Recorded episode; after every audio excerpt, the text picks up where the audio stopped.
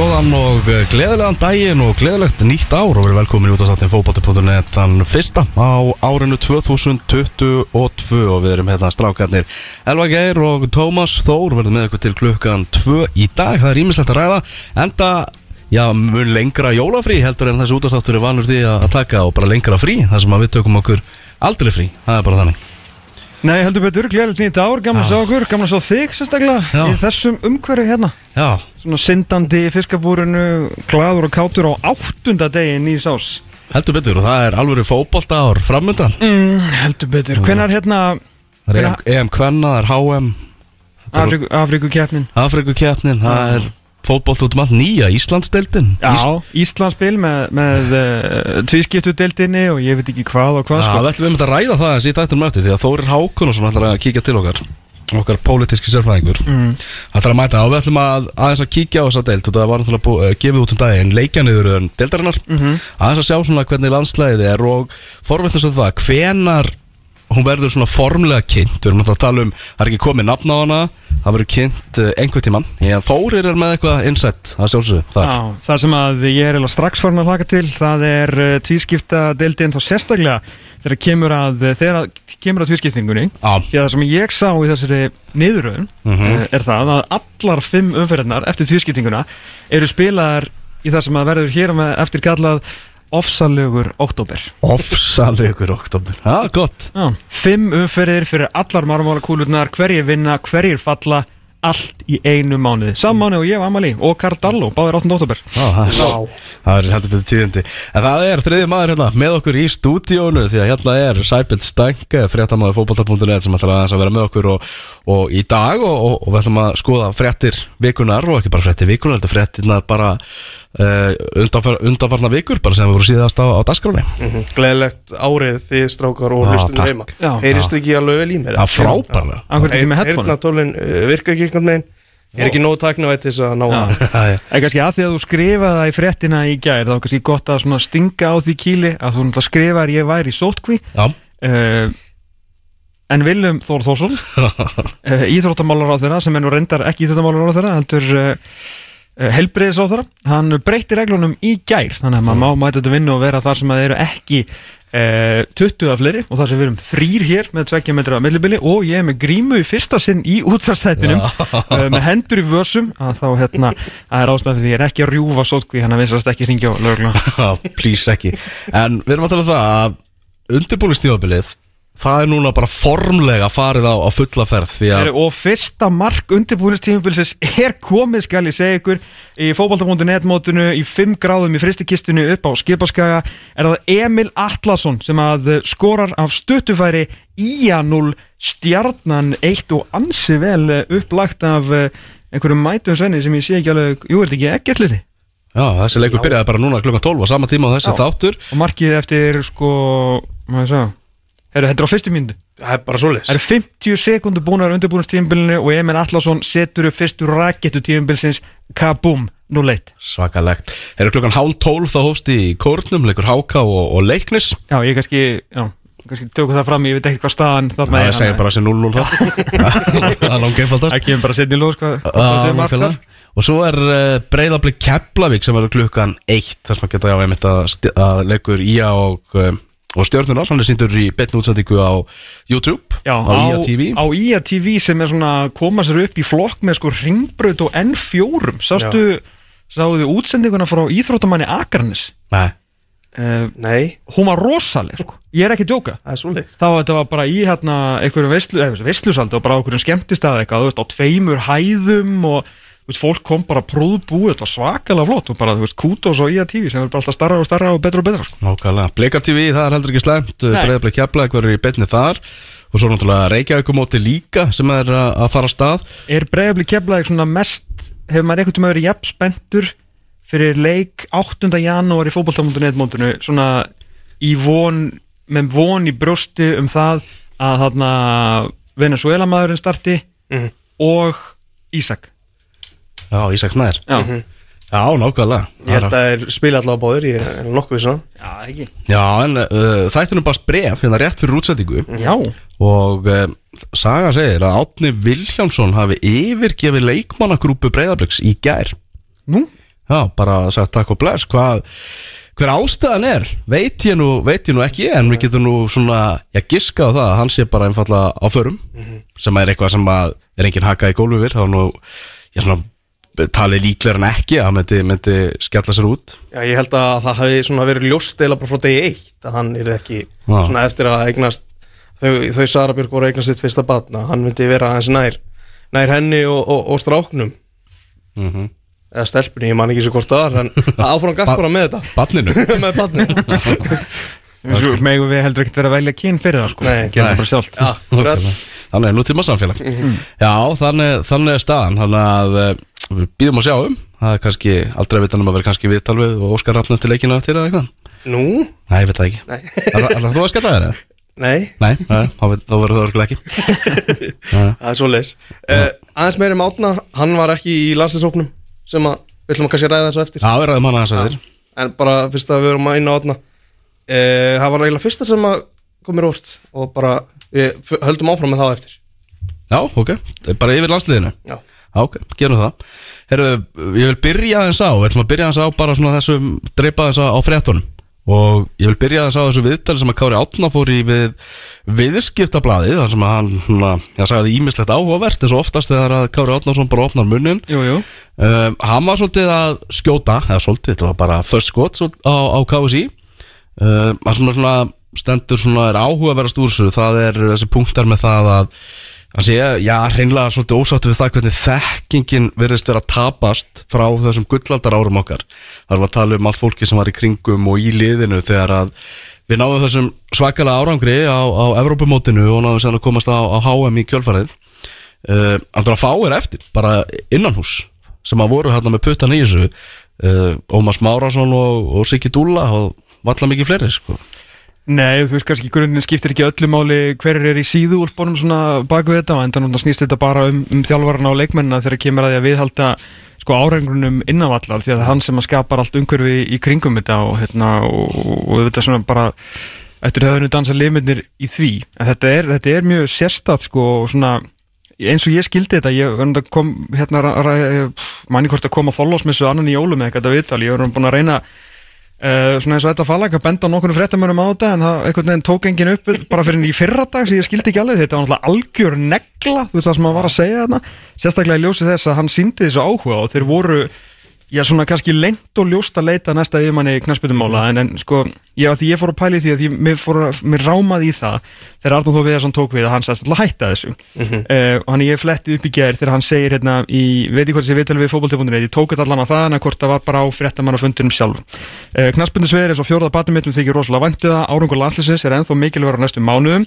Þau verkefni sem eru framöndan mun ég stýra hliðlinni, við skoðum á næstu mánuðum, hann notur benni ráðin uh, hösti 2020 Mhm. sem sagt fyrir svona 14 mánuðum, 13-14 mánuðum síðan ish. Uh, við skoðum á næstu mánuðum uh, hvernig við komum knaspinu, hvernig við getum silt knaspinu sviðinu inn í framtíðina.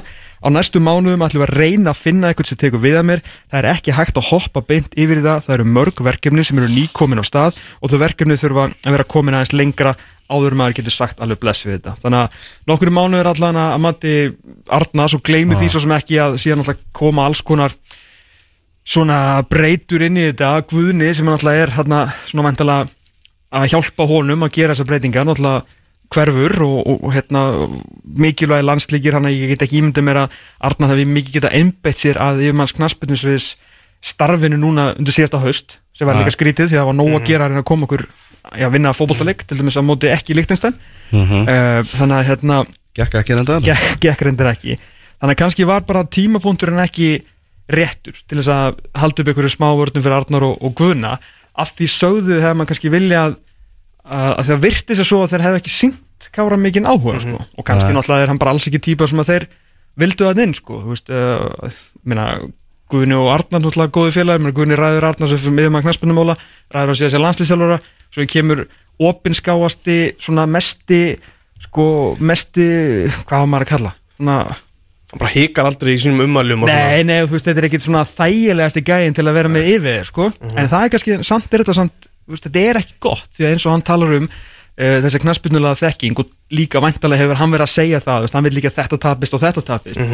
En við sjáum það að Arnóð og Viðarsson er ekkert að spila sama fótbolta og kom okkur á tvö nei. Þannig að af hverju ætti hann sem yfir maður knaspundusviðs með beina línu í formannin að vilja fá mann yfir sig sem að eh, vill fara aftur skilur sem komin er gamla formið skilur hann að En að því svo, eh, þú veist, þetta er alveg rétt hjá Kára ég meina, Þú veist, það er bara ekkert sem við höfum gert frá 2018 og auðvitað spila meðsli inn í og bla bla jólakaka skilur en, og hérna og, og fleiri þættir síðan núna undir lok síðasta árs bara og ég veit ekki hvað og hvað. Er ekki, þú veist, samt í þessu Er ekki svolítið skrítið að Arnóð Viðarsson sem landslýstjálfuri hafi eitthvað hafi eitthvað að segja í þessu. Ætla, er, þetta er bara mjög óhefnileg stað að hann sé í þessum tveimur stöðu gildum í rauninu hann, hann getur bara stýrt stýrt sinni framtíð með að segja bara nei við þennan og já við þennan. Algjörlega, þú veist, ég, hérna, maður ber fulla veringu fyrir því að hann vilji fá einhvern inn. Að að, sko, hann er yfir maður knaspundisviðs og það er undir honum komið að næsti yfir maður knaspundum mála, og það er undir honum komið að ártaki hans sé, þú veist, á sömu línu til þess að reyna að halda einhverju línu, þannig að loksins þeir eru búið að móta stefnu og Arnar áður en að var landslýstjálfuri var svona frekar vinsall í sínum störfu með náttúrulega Ísland sem er náttúrulega með sko, hérna, töð per capita bara á borðið enga aðra þjóð í heiminum held ég. Þannig að eh, svona með hvað hann var búin að gera fína breytingar þá myndum við vilja halda þeirri línu og hann kannski þarf að hérna ítin manni sem hann treysti til þess hvort sem að það var kárið ekki en eins og kári orðað þetta þá bara svona voru menn kannski, það, það kom ekki já eða nei. Nei. hann bara eiginlega fekk ekkert svar. Síðan bara kemur heimi Gunnlaugsson og hann vil viðhalda árangrunum í víkinni. Og gengur bara hreint í verks vill fá Kára og Kára segir bara já. Já, ger ég þetta bara á heimaðalli En hvað finnst ykkur um umæli Kára um að úst, hann hafi sagt að það þyrft einhvern úr gullkynnslóðinni í þess að viðhalda þessu? Er það, er það rétt? Já, mér finnst það bara rétt með skoðun, alveg klálega hjá honum. Uh, Hvort það sé rétt og, og það póttið ekki allir sammálaði, sko. En bara klálega að, að segja þessa skoðun sína. Ég, meni, ég haldi að vera mjög eðlilegt sko, veist, e- ef að stefna knastbundisambandsins í raun og veru sem er þá sett af yfirmanni knastbundumála sem er að fyrir hina áttina sko það er ekki hina áttina, jú, samt svona Já, fótbolltalega séð, er, er hann að gera breytingar sem hafa alls ekki virkað. En við verum auðvitað að gefa hann þann slaka hann hefur náttúrulega ekki fengið að nota nánast engar okkur kistlunni nema Jóa og Kára hann aðeins. Þannig að sko öðv, sko ég myndi vilja og ég held að flestir myndi vilja sjá svona meira meira continuity úr þessari gullkynnslóð úr bara þessum velmegnar árum okkar. Hvort sem að það sé ég meina Freyra Alessandursson var ekki hluti af gullkynnslóðinni ég meina bara hrikalega slagur hægri bakur en hann er frábæra þjálfæri sko Já. Fattur, hann, hann tengis kannski gullkynnslóðin ekkert megin Já. en hann var samt með okkur þarna inni sem, sko, sem náttúrulega bæði sem skját og síðan sem aðstofþjálfur en það vildu strákarnir hafa hann þarna inni því að þeir, þeir vissalið, þetta er ekki bjánar þeir vita alveg hvað þarf til þess að ná árangri já. við erum búin að spila fótbolta síðan 1940 eitthvað og hérna 1950 eitthvað alþjóða vettvangi og basically aldrei gert raskat í bala fyrir en að Lalli og Heimir þú veist, gera það sem þeir voru að gera sko. En það leiðilega við það er allir þessu árangur Þú veist eins og bara svona kári í að og ekki bara innanvallar Þetta er líka bara utanvallarins. Við náðum ekkert að nýta okkur það Hvað við vorum að ná miklum árangur Hvað við vorum stórir og allt hannig Þú veist umgjörðin og, og allt í kringum landsliðið Það verður ekkert bæst síðan þetta var sko. Þú ert að menna kannski fyrir stuðningsmenn og svona heldarsvipurina því að náttúrulega kannski Ég er bara að tala um allan pakkan sko. og, þú veist, og líka bara umgjörðunlega sko, í kringum landsliðið núna Þú veist, ef við bara horfum það er ekki langt séðan að þú veist, Arnáð Þó Viðarsson var yfir maður fótballtamála og við vorum með Erik Hamren og við vorum með Freysa og þar á undan vorum við með, með Heimi Hallgrímsson og Lars Lagerbakk og, og Helga. Kolviðs. Helga Kolviðs, núna erum við með nú er Eiður Smári náttúrulega farinn Lars Lagerbakk er farinn Arnar yfir maður fótballtamála og Arnar er landslýsalari mm veist, hann er bara einhvern veginn svona einn í þessu. Já, óreindu þjálfari. Mhm. Og hann einhvern veginn heldur utan um þetta allt saman hjá sambandinu. Með að við svona batterið sem var komið í kringum þetta þá finnst mér þetta bara alveg bara KSI við sofið á verðinum. Það er ekki flóknir að það. Já það, það er alveg óhætt að taka undir það sko. Og hérna ég man að það var, held ég viðtalið við okkur hérna í útastættunum skömmu eftir að hann ráðin landslýst þjálfari að hérna uh, hann tala um að Roberto Martínez sé bæði um að knastbytumála og landslýst þjálfari Belgíu. Mm. en við kannski meðum svo sem ekki gleyma því að þar er hann kannski með hvað var að giska? 20 aðstofamenn, Já, cirka bótt mm -hmm. hann er ekki einu svona með aðstofamann í dag sko.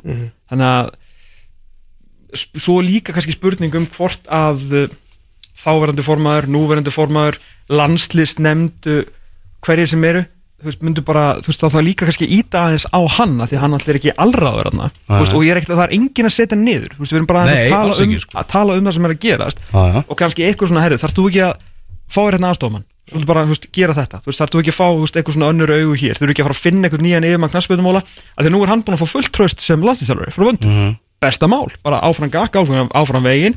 Uh, reynum að gera eitthvað í þessari þjóðadeld leiðum honum að halda áfram þessari uppbyggingu. Væri raun og verið bara ósangjant að fara að henda honum veginn frá borði núna sem var allan að skoðun vöndu. Hann heldur áfram. En verður hann þá ekki að fá að fara einbetta sér að þessu? Veist, nokkrir mánuðir eru ekki 14 mánuðir sko.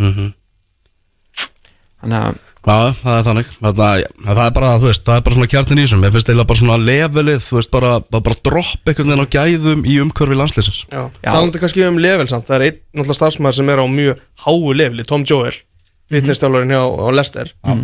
að samningur hans er runnin út og, og Arnar ætlar að ræða við hann eftir þessa leiki núna hvort hann verði áfram. Þú veist, ef það á að halda, ef það á að halda einhverju uppbyggingu og þú veist, halda einhverju standard þá verður hann að halda þessum gæð já, já, honum eða einhverjum á svona level. sama já, sko. akkurat. Skilur það er bara klárt. Já. Heyrðu, tala ekki um þegar við erum fattin á sko, levelið á fitness þjálfurum og styrtar þjálfurum og mönnum sem að kunna á endurheimt og lesa úr tölum Já, er náttúrulega ennþá mikilvægara þegar að vera að spila þrjá fokking landsliki í hverju meinasta helvitis glugga sko. í, Næst í fjór. eitthvað átta mismunandi löndum. Þá þarf þetta að vera, veist, þá þarf þetta að vera í lagi af því að uh, þar sem að litluliðin geta náð stóruliðunum er í þessum, þú veist, the small margins skilur við, þannig að Já, já. Heyrðu, förum yfir í mannin sem var hérna fyrir ekki alls löngu að, að spila bara með Dal, Mati Dalmæ sko, í, í, á Hamri í hveragerði. Og eh, fór sér gendilega upp í einhverja geimflög og er núna orðinn þjálfar í Malmö uh, Milos Milojevits þvílíkt og annað eins sko. þessi gæi sem var hérna mætti til lands til að spila fyrir eh, hvað, ég Þorláksson, var það ekki uppalega það var að Hamar fyrst. Ég mæni hvort að, nei, það var Hamar held ég. Ég var að lesa eitthvað þráð á Twitter á hann sem var að tala um hvernig hann endaði hérna, mjög skemmtlegur endara sem að einhverju fyrirhandi fyrir hérna, félagar hans í Hamarsliðinu voru að segja að hann eitthvað hann vantaði svona einni viðbót og þá ráttu plassu ykkur íbúð og svo unnuður í byggingavinnu. Ég er endar ennþá eftir að sjá Mílos Mílajöðs vinn minn. Vinn minn, já, þú veist, kunningi minn vinna fyrir sér í, hérna, í byggingavinnu. Þannig að ég sé hann ekki alveg funkar aðra alltaf læg en þetta er náttúrulega með ólinginu sko. Uh, náttúrulega blaman að fyrir minn hefst á, á vikingu.net svona samslega því að vera penni á fótbolti.net og uh, í vikingi á sínum tíma var annar Mílos sem var rosalega góða varnamæður og svona með betri varnamönnum sem spilaði hérna í Íslandi á sínum tíma Mílos Klokovac mm -hmm. segja hann einhvern veginn tekur, ég mani hvort að segja, er það Leifu Garðas eða eitthvað sem hann tekur upp á því að fá Mílos Mílojevits sem leikmann vikings og það er óhætt að segja frá því að hann var ekki vinsat leikmaður því að eina sem hann gerðist gerði á miðunni var að fá boltan, snúa sér ring og gefa hann tilbaka. Mm.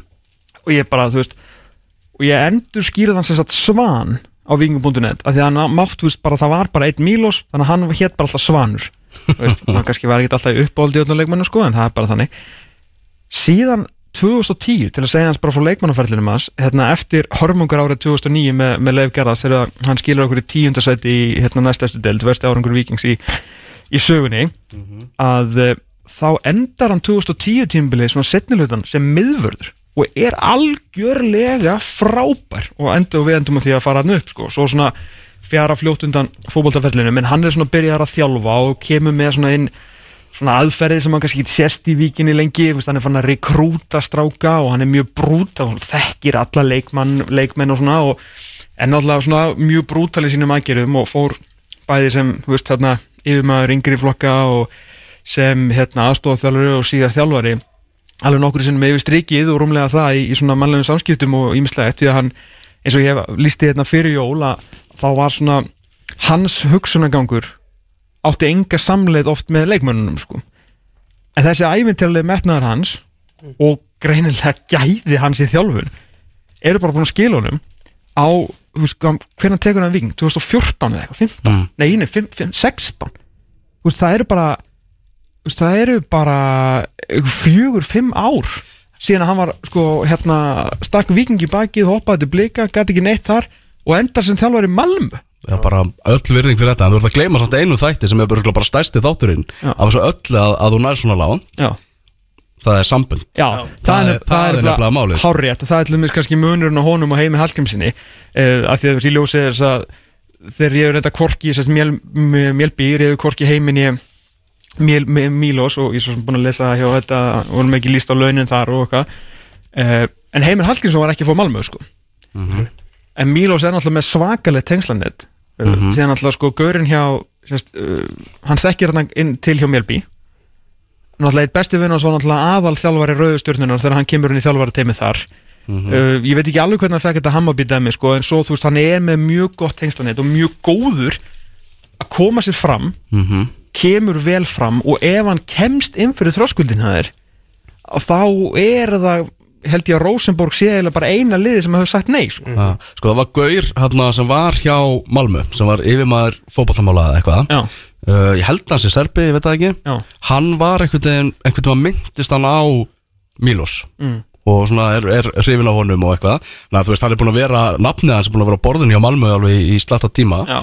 Og það er að koma honum síðan inn á sænska markaðin sko. Mm Einmitt, þetta þú veist hann kann þe þennan Ah. leik líka upp á miljón en það, hérna, hann var ekkert eitthvað gríðalega ánæði með þessa ráningu sko. Það verður áhugavert að sjá hann byrja í smá byrja í brekku, með liði Okkar- sem búin að vinna titilinn tvö röð. Hákallarnir hana, vitringarnir í, í sænsku blaðmannastjættinni þeir eru allir byrjaðar að tjá sig Já, þeir hafa ekki húmór fyrir einhverjum sko, hérna, júgoslavinskum egoista sko það var alveg ljóst að það var á pyrringur og sástu hver var að tjá sig? Já, Robert Lól Okkar maður, Já, já. Ha, maður sem sá okkur að loka landamærunu þegar Kamrein var á leiðinni Já, hann talar í fyrirsögnum sá maður sko. Þessi leiðan samt til Malmö eins og þið, þið talið um þetta er, þetta er bara lega sag hvað þetta er bara rugg Mhm. Þetta, þetta er svo skrítið einhvern veginn að sjá hann einmitt, hann fær sparki bara frá Hammarby eftir að hafa ætla að fara til Rosenborg og s- samt bara Malmö bara klárt. Þetta er, þetta er rosalega skrítið. En ég hlusta hans á viðtalið við hann í, í gær. Ég, hérna, kláraði ekki alveg Mm. en hann segir sem að mér fannst mjög bara hlýtur að vera spot on með það sem hann hefur heyrt um hann er að hann setur mikla kröfur á leikmenn Mhm. en hann setur þrísusinu meiri kröfur á sjálfa sig. Mhm. og það er bara, ég held að það sé akkurat svona svona þjálfari sem að þú vilt til þess að halda einhverju velgengni áfram. Og hann er ekki í þessu til að eignast vini eins og hefur bara komið í ljósatni í Svíþjóð. Og einhver er bara skrifbendar heldur það að maður er búin að brenna allar brýr bara í Svíþjóð. En Malmö er einhvern veginn alveg sama hvað, hvað hann var að gera hérna hjá, hjá Hammarby og hvernig viðskilnaðurinn var þar. Hann er bara mættur hérna til, að- til að vinna fótbollaleiki og Jóhann Dolk Voll hjá Expressin með mjög áhugaverð svona hvernig hann tók á þetta. Hann sagði bara að Mílos veri örgulega rétti maðurinn í, í þetta starf. Spilar svona bara álíka bolta og Malmö vill spila vill halda boltanum og, og pressa og allt það.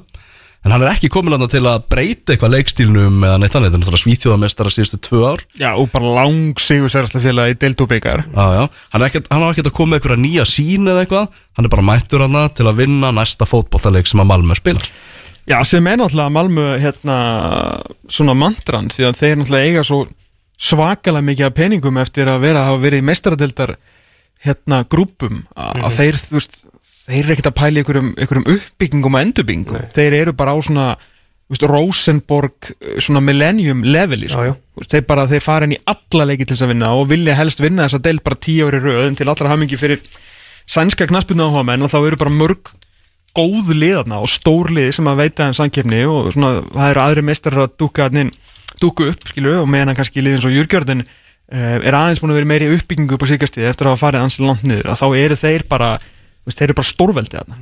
Og þeir getur bara fengið hvert sem er. Akkurat, það er eitt með Milos. Ég mynd, hakan á mér fær ekkert í gólfið ef að þegar að Dejan Stankovic hættir hjá Redstar að að Milos fari bara frá Malmö þó hann sé á samningi og taki við Redstar þannig að hann ætla sér bara að fara upp Já, en, en er, er rauða stjarnan, þú veist, ég átta mikið á því þú veist, ég fyrir Serba Mhm. uh, er það klálega bara aða, það er bara nummer 1 og 3 sko. En rauða stjarnan er bara að gera svo lítið á okkur um Evrópulefli, þú veist, Malmö er miklu starra nafni í er góð svona síðustu ár. Já, þó, er þó að sko Servenas Vestar síðan alltaf bara skilur þetta er bara sögufrækt nafn en ég meina hvernig, þú veist, ég sé að ég mann eftir, eftir rauðstjórnunum var bara þegar IPVF spilaði við og, og við fengum eitthvað vít á sig sko og meina maður er bara búin að sjá Malmö hérna spila við Real Madrid og, og Kára Atma klíma við Cristiano Ronaldo sko Já. heldur séu komnir í hvað 16. úslit Evrópudildarinn eða eitthvað núna En ef að þú veist Rauðstjórnan? ef, Já. ef að rauða stjarnar ringir þú veist, geta svona menn bara sagt nei skilur. Örugglega ekki, nei. nei. af því að það er líka vantilega kýtlar ego í þeim um að koma rauðu stjórnuna aftur í Champions League group stage og jafnvel lengra sko. vera, vera gæin sem að endur veku stoltið hjá þessu félagi sko. En ég, þú veist, ég er ekkert viss um það bara allir fótballta áhuga menn á Íslandi bara gera sér grein fyrir því á hvaða stað Mílos er komin Þú ert bara komin inn í fundarherbyggi á Rosenborg ert að taka við Malmö og ert orðað við rauðu stjórnuna Er þetta ekki- er þetta ekki að langstærsta sem einhver, einhverja Íslandstengingu hefur gert á þjálfarferðli? Já, félagslega ferðinu, maður er bara heiklust sko. Já, bara eftir Gauði Þórðar skilur ég en þá segja lík 2 Jú, og lík 1 og vinna, vinna framrúðubikar sé starra þetta svona Já, já. so far uh, hérna, en En það hann náttúrulega líka í gegnum sambönd. Það bara þannig bara að vera algjörlega. Nei, ég meina Rúna Kristjánsson fekk tvö stór út á sambönd og Óli Kristján, Kristjánsson basically líka en það er bara alltaf læg, síðan þarfstu bara að standa því og ég veit svo sem ekki alveg hvernig Mílos fekk Hammarbyggikið en í baráttun við, minna, þú veist hverju voru þetta? Voru þetta ekki AEK, Djurgjörðin og Malmö sem voru þarna bara nekk í nekk, lang bestu liðin? Svo kom held ég eitt og sko, enda ekki Hammarby bara eitthvað fymta eða sjötta? Jú, þeir voru bara miðadelt sko. Já, nei, vel fyrir þú heldur, sko. Hún er bara mjög respektfull með að við svona, þeir hafa ekki þó þetta sé trilltu klúpur, 20.000 manns og þú veist, hafa öruglega ágætt bara öruglega á matchday revenue að þeir eru með svo svakalega sterka heimalíki að þá held ég þeir ekki okkur budget level við AEK og, og Malmö sko. þannig að hann náði bara, hefur líka bara náð góðum árangri sko. Heyrðu, Sabin, þú talaði við Ísak Snæ leikmann Breiðabliks hérna í vikunni. Sem eru með í, á varamarvegnum hjá Blikum í dag en Juan Camillo, hann byrjar Hann Já. byrjar. Wow. Skemmtilegt. Heyrðu, samkjöfni á miðjunni hjá Blikum, það vantar ekki um maður. Það er sæmileg samkjöfni, allavega eins og hópurinn er skipað núna. Já. Þú veist, Ég, eitthvað megin Og svo er hann, má ekki glemma því, ég kefti Dagdal sem miðjumann. Jú, jú, það má aldrei glemma því. Nei, nei. En Já, ég, voru ekki fylgismenn að nota sem kann Jú. ég, ég skil ekkert akkur þeir voru að því. En, Alveg, það veit engin þjálfari neitt. Nei, Nefnum Óskar náttúrulega. Óskar veit allt. Já. En máli ég, veist, ég er eitthvað megin smá trú að að einhver af þessum miðjumennum dett út Alexander Helgi, hann verður ekki áfram með brefli Það er bara að sér að heyra að hann ætlar sér að finna sér liði í Svíþjóð. Ok. Og sé ekkert að fara að koma. Mm. uh, Viktor Karlsson hefur eins og við, hann frá hann var orðað yfir Lyngby. Ég held að sé alveg líkur að það geta eitthvað gerst í glukkanum þannig að ég held að Óskar sé svona að sapna saman í bara her og svo sér hann bara til hvað hann verður stóri í, í, þegar tímabili hefst. Já En Ísak er í, í reysaverkefni með, með líkamassinn Mhm. En svo hann sagði sjálfur, ég var bara spik feitur Þegar hann var að tala um sig upp á síðasta tímafils Já, hann sagði það bara sá sá bragðið. mokkanum í ger Já, ég sá það líka í mokkanum. Og það var, rosalega flott frétt. Já, daginn eftir hún byrtist Já, já þér. Já, Já, en flott frétt samt. Já Þarna, minna, þú veist, hann er bara opiskár með það og, og svona formið á honum og hann var ekki alveg að ná, ná sér á streik fór greinlega líka þessi skapið á honum eins og sástinn á vellurum Þú veist já, hann hefur örgulega fundið veist, tilfinningin hefur örgulega verið að hann vissi að hann gæti betur en hann bara náði ekki að framkama það út af bara þyngt. Já, og svo þegar það dettur inn þá sáðu allir setni hluta síðast tíma hversu öflugu miðjumar hann er og, og það sást bara í þessum uppgangi skadamann hann í lokin. Það sem hann var algjör líkil maður um, Rétt á hann í kemur í Ísaks næði kannski allt í lagi að benda það að stjarnan komst á 13. mínúti í 2-0 upp á eh, Skaga gegn Akraninsi í fótbolta.net mótinu. Önnur stóðsending Egert Arons Mhm. í leiknum. Uh, Hver haldið það að skorað? Með hæri Hilmar Átni, Óskar Örn Haugsson. Ég með hæ ugh, ég átti ekki skadana vel, vel gert þannig já, Herru, Ísaks næði að hérna ég er spenntur fyrir þessu og ég held að nákvæmlega þetta sé nákvæmlega sem blikunum vantar meiri sé að blikar og, og talsmenn blika á, hérna, á ljósveikamilum og, og hlaðarpum hafa marg sinni sem viðkjönd það að þá vanti svona miklu meiri belli í, í liðið sitt Þetta séu- allt of næs og, hérna, og ég veit alveg til þess að til dæmis Davíð Örn Allarsson var til meðal annars keftur á metfíu af því að hann er ekki barnana bestur á, á fótboltavelli sko. mm.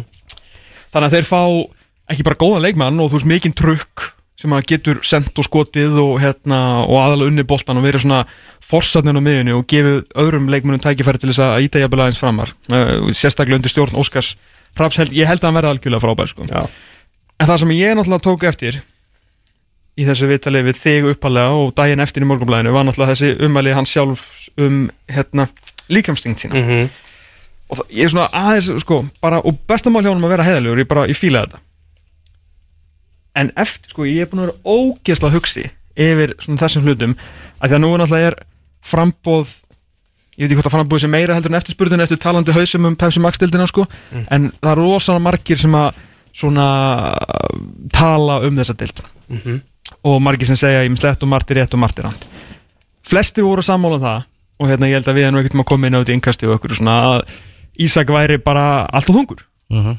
Og það fór ekkert á milli mála sérstaklega bara í fyrstu leikjónum allt, var ekki um val bara mjög snemma allt og setni ykkur að taklingu Bara eins og flugmóðu skip sko. Og þegar hann hleypur utan í káringin þegar hérna Akkurat. Dotti ákveða að spila bara 237 og halva og okkar þegar þetta fara að drífa sig í eitthvað kaffibóð og okkar og alltaf þegar eitthvað svona, ekki alltaf stundum þegar eitthvað svona er sagt sem að er samt mjög ljóst þá kemur að hlut sem að Íslendingar eru rosalega góður í ásandi að það er að vera alveg brjálaði fyrir hönd einhvers annars Já og þá er alltaf allir svona fíbl og fáta sem er að tala um þetta Mhm. sko, við erum ekkert einhverjur vitringar alls ekki alvitir um fótbolta og segjum eflust einhvern tímann rangan hlut og örgulega mjög oft en við höfum samt séð helviti marga fótboltalíki sko. Mhm. og það fer ekkert á milli mála þegar menn eru svona þettir á velli sko. og líka bara, þú veist, og, og þú veist, var, var allt svo brjála og ég fór um þetta að hugsa til þess aftur mannstu þegar við vorum að tala um Ara Lefsson Já. þegar hann komst í landsliða þarna fyrst og ég sagði hérna bara eitthvað hann fór í janúarverkefni í fyrra og ég var bara eitthvað ha, Ari Lefsson og byrjuðu af hverju hann að fara í atvinnum sko. ég bara aldrei séð hann að gaur bara gera nokkuð skapaðan hlut og þá náttúrulega eins og þarna þegar við tókum Andris Jóhannesson á sín tíma og fóð bara árbærin alveg á hliðina og ég vissi ekki hvað maður bara, slappið hennu af sko. síðan fyrir næstu leiktíð að þá er Albert Brynjar Ingarsson svona fylgisgestur hjá Hjálfari Haflega svona að tala um fylgisliði, eða hvort það sé þá fyrir þar síðast tímbil eitthvað, að tala um blikana nei, tala um hérna fylgismennina og þar segir samherið hans til langstíma gaur sem hann bara ólst upp með segir bara Albert Brynjar að þetta hefur komið öllum í árbænum líka óvart því að gaurin hafa aldrei getað neitt en verið frábær á æfingum skilur og ég talaði með þessu Freys á sín tíma þegar hann kom nokkur sem tímin í, í völlinu og þá hefði þeim svona verið bent á þetta því að þeir höfðu einmitt ekki síðan ok, ekki gera neitt, ekki, ekki vera okkur landslýskaliber í Pepsi Max-dildinni hvenær talaði ykkur um Ara Lefsson sem, sem landslýskandidat þegar hann var að spila, aldrei. Engin en það var alltaf að tala um hvað hann var öflugur á æfingum og Freysi talaði um það, bara strax á fyrstu æfingu hefur verið alveg svakalega impressed. Mhm. og þá var svona ok, ok, þú veist það er eitthvað þarna. Þannig að það sem ég er að segja stundum eru bara hluti sagðir, þú veist, af mönnum ekki bara okkur, heldur Við rosalega segjum bara hlutin eins og við sjáum Já, ég segi það, sko Það er þannig. Það þarf ekki alltaf alltaf að trilla, sko Mhm. Stundum höfum við bara svolítið rétt fyrir okkur, sko. Heyrðu, Óskar ætla sér tvennuna Það er bara þannig, Ísak opinbyrjaði það algjörlega sem kemur nú ekkert á óvart en uh, vantilega eftir síðasta tíma bil þá, þá, þá bara vill Óskar ekkert annað heldur en að lifta þessum byggurum sko. Nei, ég bara Það verður fróld að sjá hvort að uh, þeir bara springi alveg á blikinu þarna í restina, sko Hvort þetta verði of mikil pressa fyrir þá, sko. Já, að uh, hann veriðist vera svo sannarlega maður í verkefni og ég held að hann muni aldrei fyrirkjöfa sjálfur sér að láta Arnar Gunnlaugsson eh, hafa tekið delt og byggar hérna á undanunum og hafa tapað þessari baróttu og ég get ekki ímyndið mér að hann sé búin að sofa meira en svona 16 mínútur og mun ekkert sofa meira en svona 16 mínútur á dag uh, nefnum hann taki hérna gömlu Sænfeld aðferðin og sofi kortur á, á tvekki tíma eða þrekki tíma fresti sko og hann verður ekkert sáttu fyrir hann heldur á helst báðum byggurunum sko. Fyrsta ótíma bara spáin, verður breyðablika á tónum já, uh, Síðasta spá fyrir mót, verður breyðablika á tónum já. Já, það er bara heilug skilda okkar allra sem fréttamenn að setja mikla pressu á og hægt er sko. Ég held að, ég held að líka núna sé blika sér tilbúnari í þá press Ég held að, ég hef engi, þú veist, þetta er bara tilfinning, þetta er engin rögg En ég held að þeir vilji vera að spá toppsætinu og allir sér að vinna bara. Já, ég samanlega Ég held að mun ekkert fara, fara í það og neitt sko. Þegar við sáum líka það sem ég var að þegar maður var eiginlega orðin uppuskoppa með lýsingarorð fyrir það á síðustu leitið þar sem þeir alltaf bara skoruðu og skoruðu og fengu ekkert á sig og voru algjörlega frábærir að eina sem, og þá var maður farin að rósa þeim líka fyrir hérna andleganstyrk þar til að, að hérna átni andaði aðeins og stutt og sett hann yfir sko, þú veist ég meina það er það sem að skilur um milli fex og ófex fyrir utan það sem að gleymist náttúrulega með náttúrulega ótrúlega uppgangi vikinga líka og tökum ekkit af, ekkit af mínum munni hvernig þeir unnu þetta mót á endanum sko. En þetta munaði rosalega litlu Þannig ef þeir fara eitthvað að kóðna núna Eftir að hafa sínt meir og minna rosalega mikið svona andlega styrk á síðustu litið Það myndi koma mér allan vel á orð sko. Það eru janúar hópur Íslands Það eru tvö, tveir vinnáttuleikir sem fara fram í Antalya í Tyrklandi Við kunum nú vel við okkur þar, Tómas Ó já Það heldur betur Úganda, Í, 12. í janúar Og Suður Kórea, 15. janúar uh, Ógesla fyndin lið. Já, bara, þú veist, frábær samsetning eitthvað með Já. 3-0 stjarnan, takk fyrir. Þetta er skæin ekki að Eru þeir ekki öflir á undirbúrstum? Það er ekki nýtt. Nú, Það er ekki nýtt. Uh, Já, þessir vinnáttulandsleikir ekki spilaðar á alþjóðlum leiktugum og, og því eru ekki Já, eru margir leikmenn sem eru ekki til taks En hins vegar, ég skal bara vikna það Þetta er miklu sterkari hópur en ég bjóst einhvern veginn við að sjá. Ég held að KSI myndi fá miklu fleiri nei Og bara nei frá flestum. Mér finnst bara Fyrir ekki hvernig endilega útskýrið þetta. Hvernig bjóstu við sterk að þessi sterkari hópur en bjóstu við? Já, ég bara bjóst við því að Þú veist, að það eru eiginlega bara Íslands leikmenn á Íslandi. Já, þetta er bara Ég- úrvast Ég hugsaði bara í stöð, í stöðu COVID og bara hvernig staðan er þegar félagsliðin þurfa ekki að hleypa leikmönnum í alþjóðlegt verkefni í januar mm. að það bara myndi þeir ekki gera það sko. Já, já, þannig að þetta þau, þau kom mér óvart.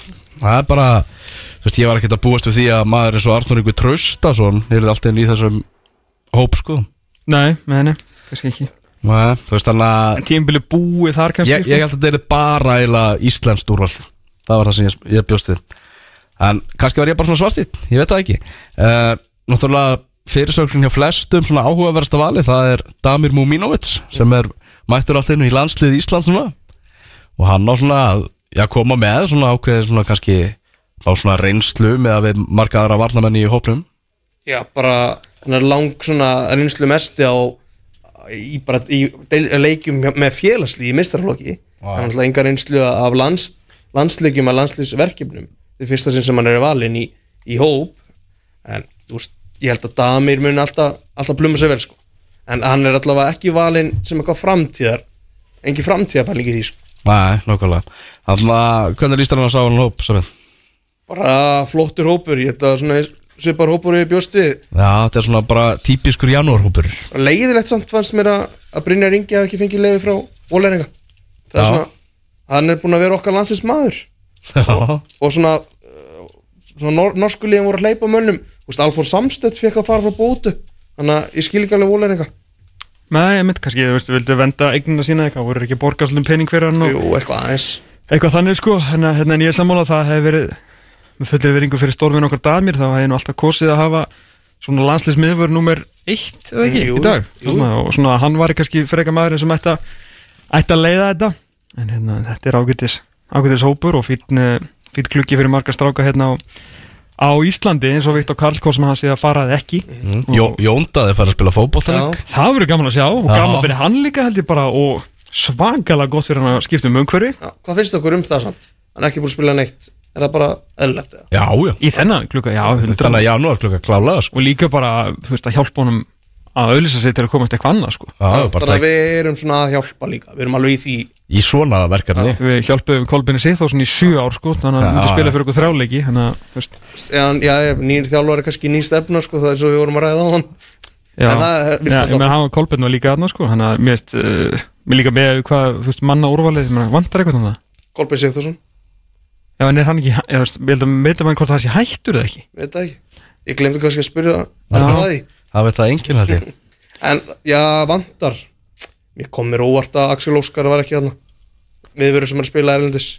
Já, uh, hann komst nú aldrei, var hann einhver starter í 21 hjá Arnar eða? Aldrei hjá Arnari En hann var, byrjaði bara, þú veist, 18 ára að spila Já, já, já, 21 en hann datt út hjá Arnar Jú, hann gerði eitthvað meðslið ekki líka, hann var einhverjum, einhverjum Hann var frá í eitt ár og datt út sko.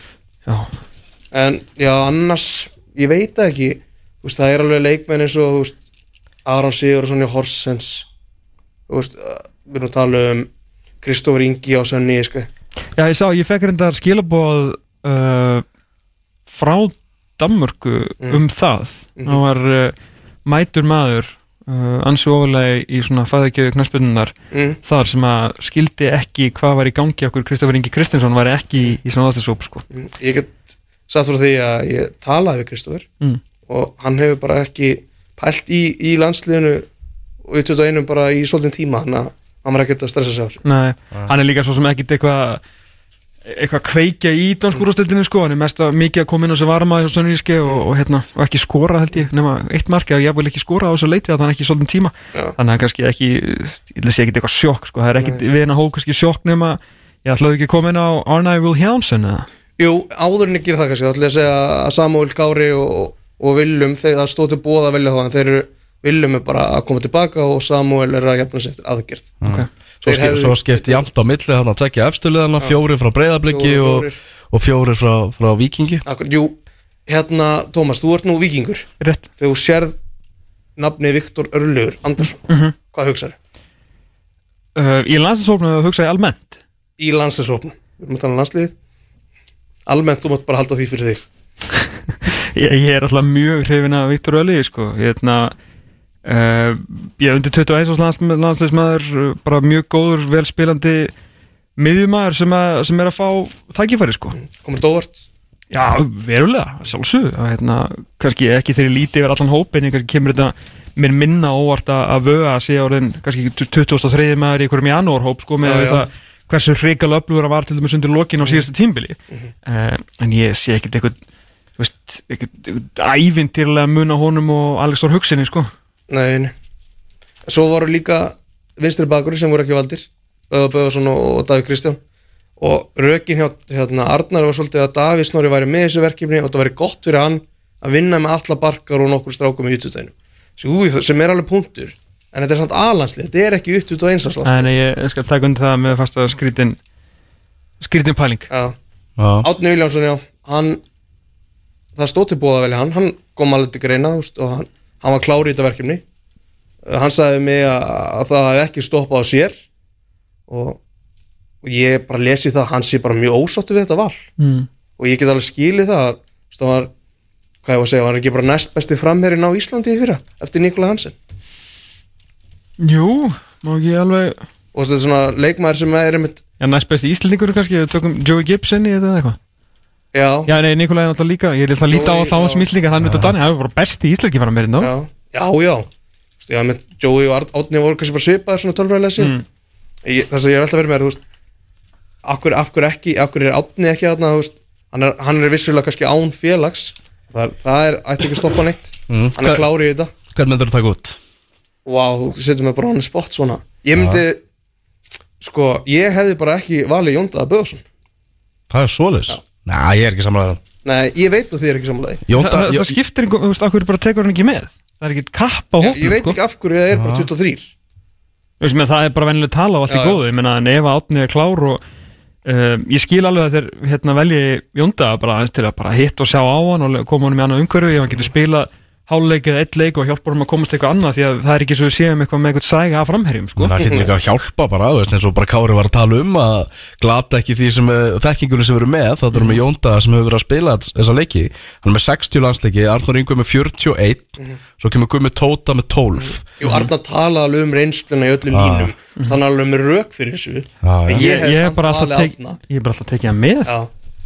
Og loka, loka punktur minn er líka röðunin á hvernig hann er velur markmenn Því að hann velur hákona undan Jökli. Fyrst að Jökull komst í verkefni þá er mjög skrítið. Jökull er startur í 21 Burt sér frá því hvort hann sé að spila með mórkamp eða ekki Þá hann bara alltaf að vera undan hákon í öllum völum. Þú veist það hlýtur bara að vera þannig.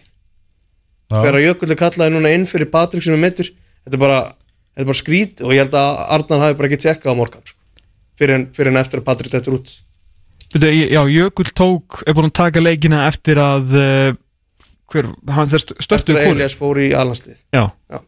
og Jökull búin að taka báða. Nei, Hákon fekk leikundar Ákon fekk einn útilegamandi hvar kýpur. Já, en Jökull búin að taka alla stóru leikina sko. ok.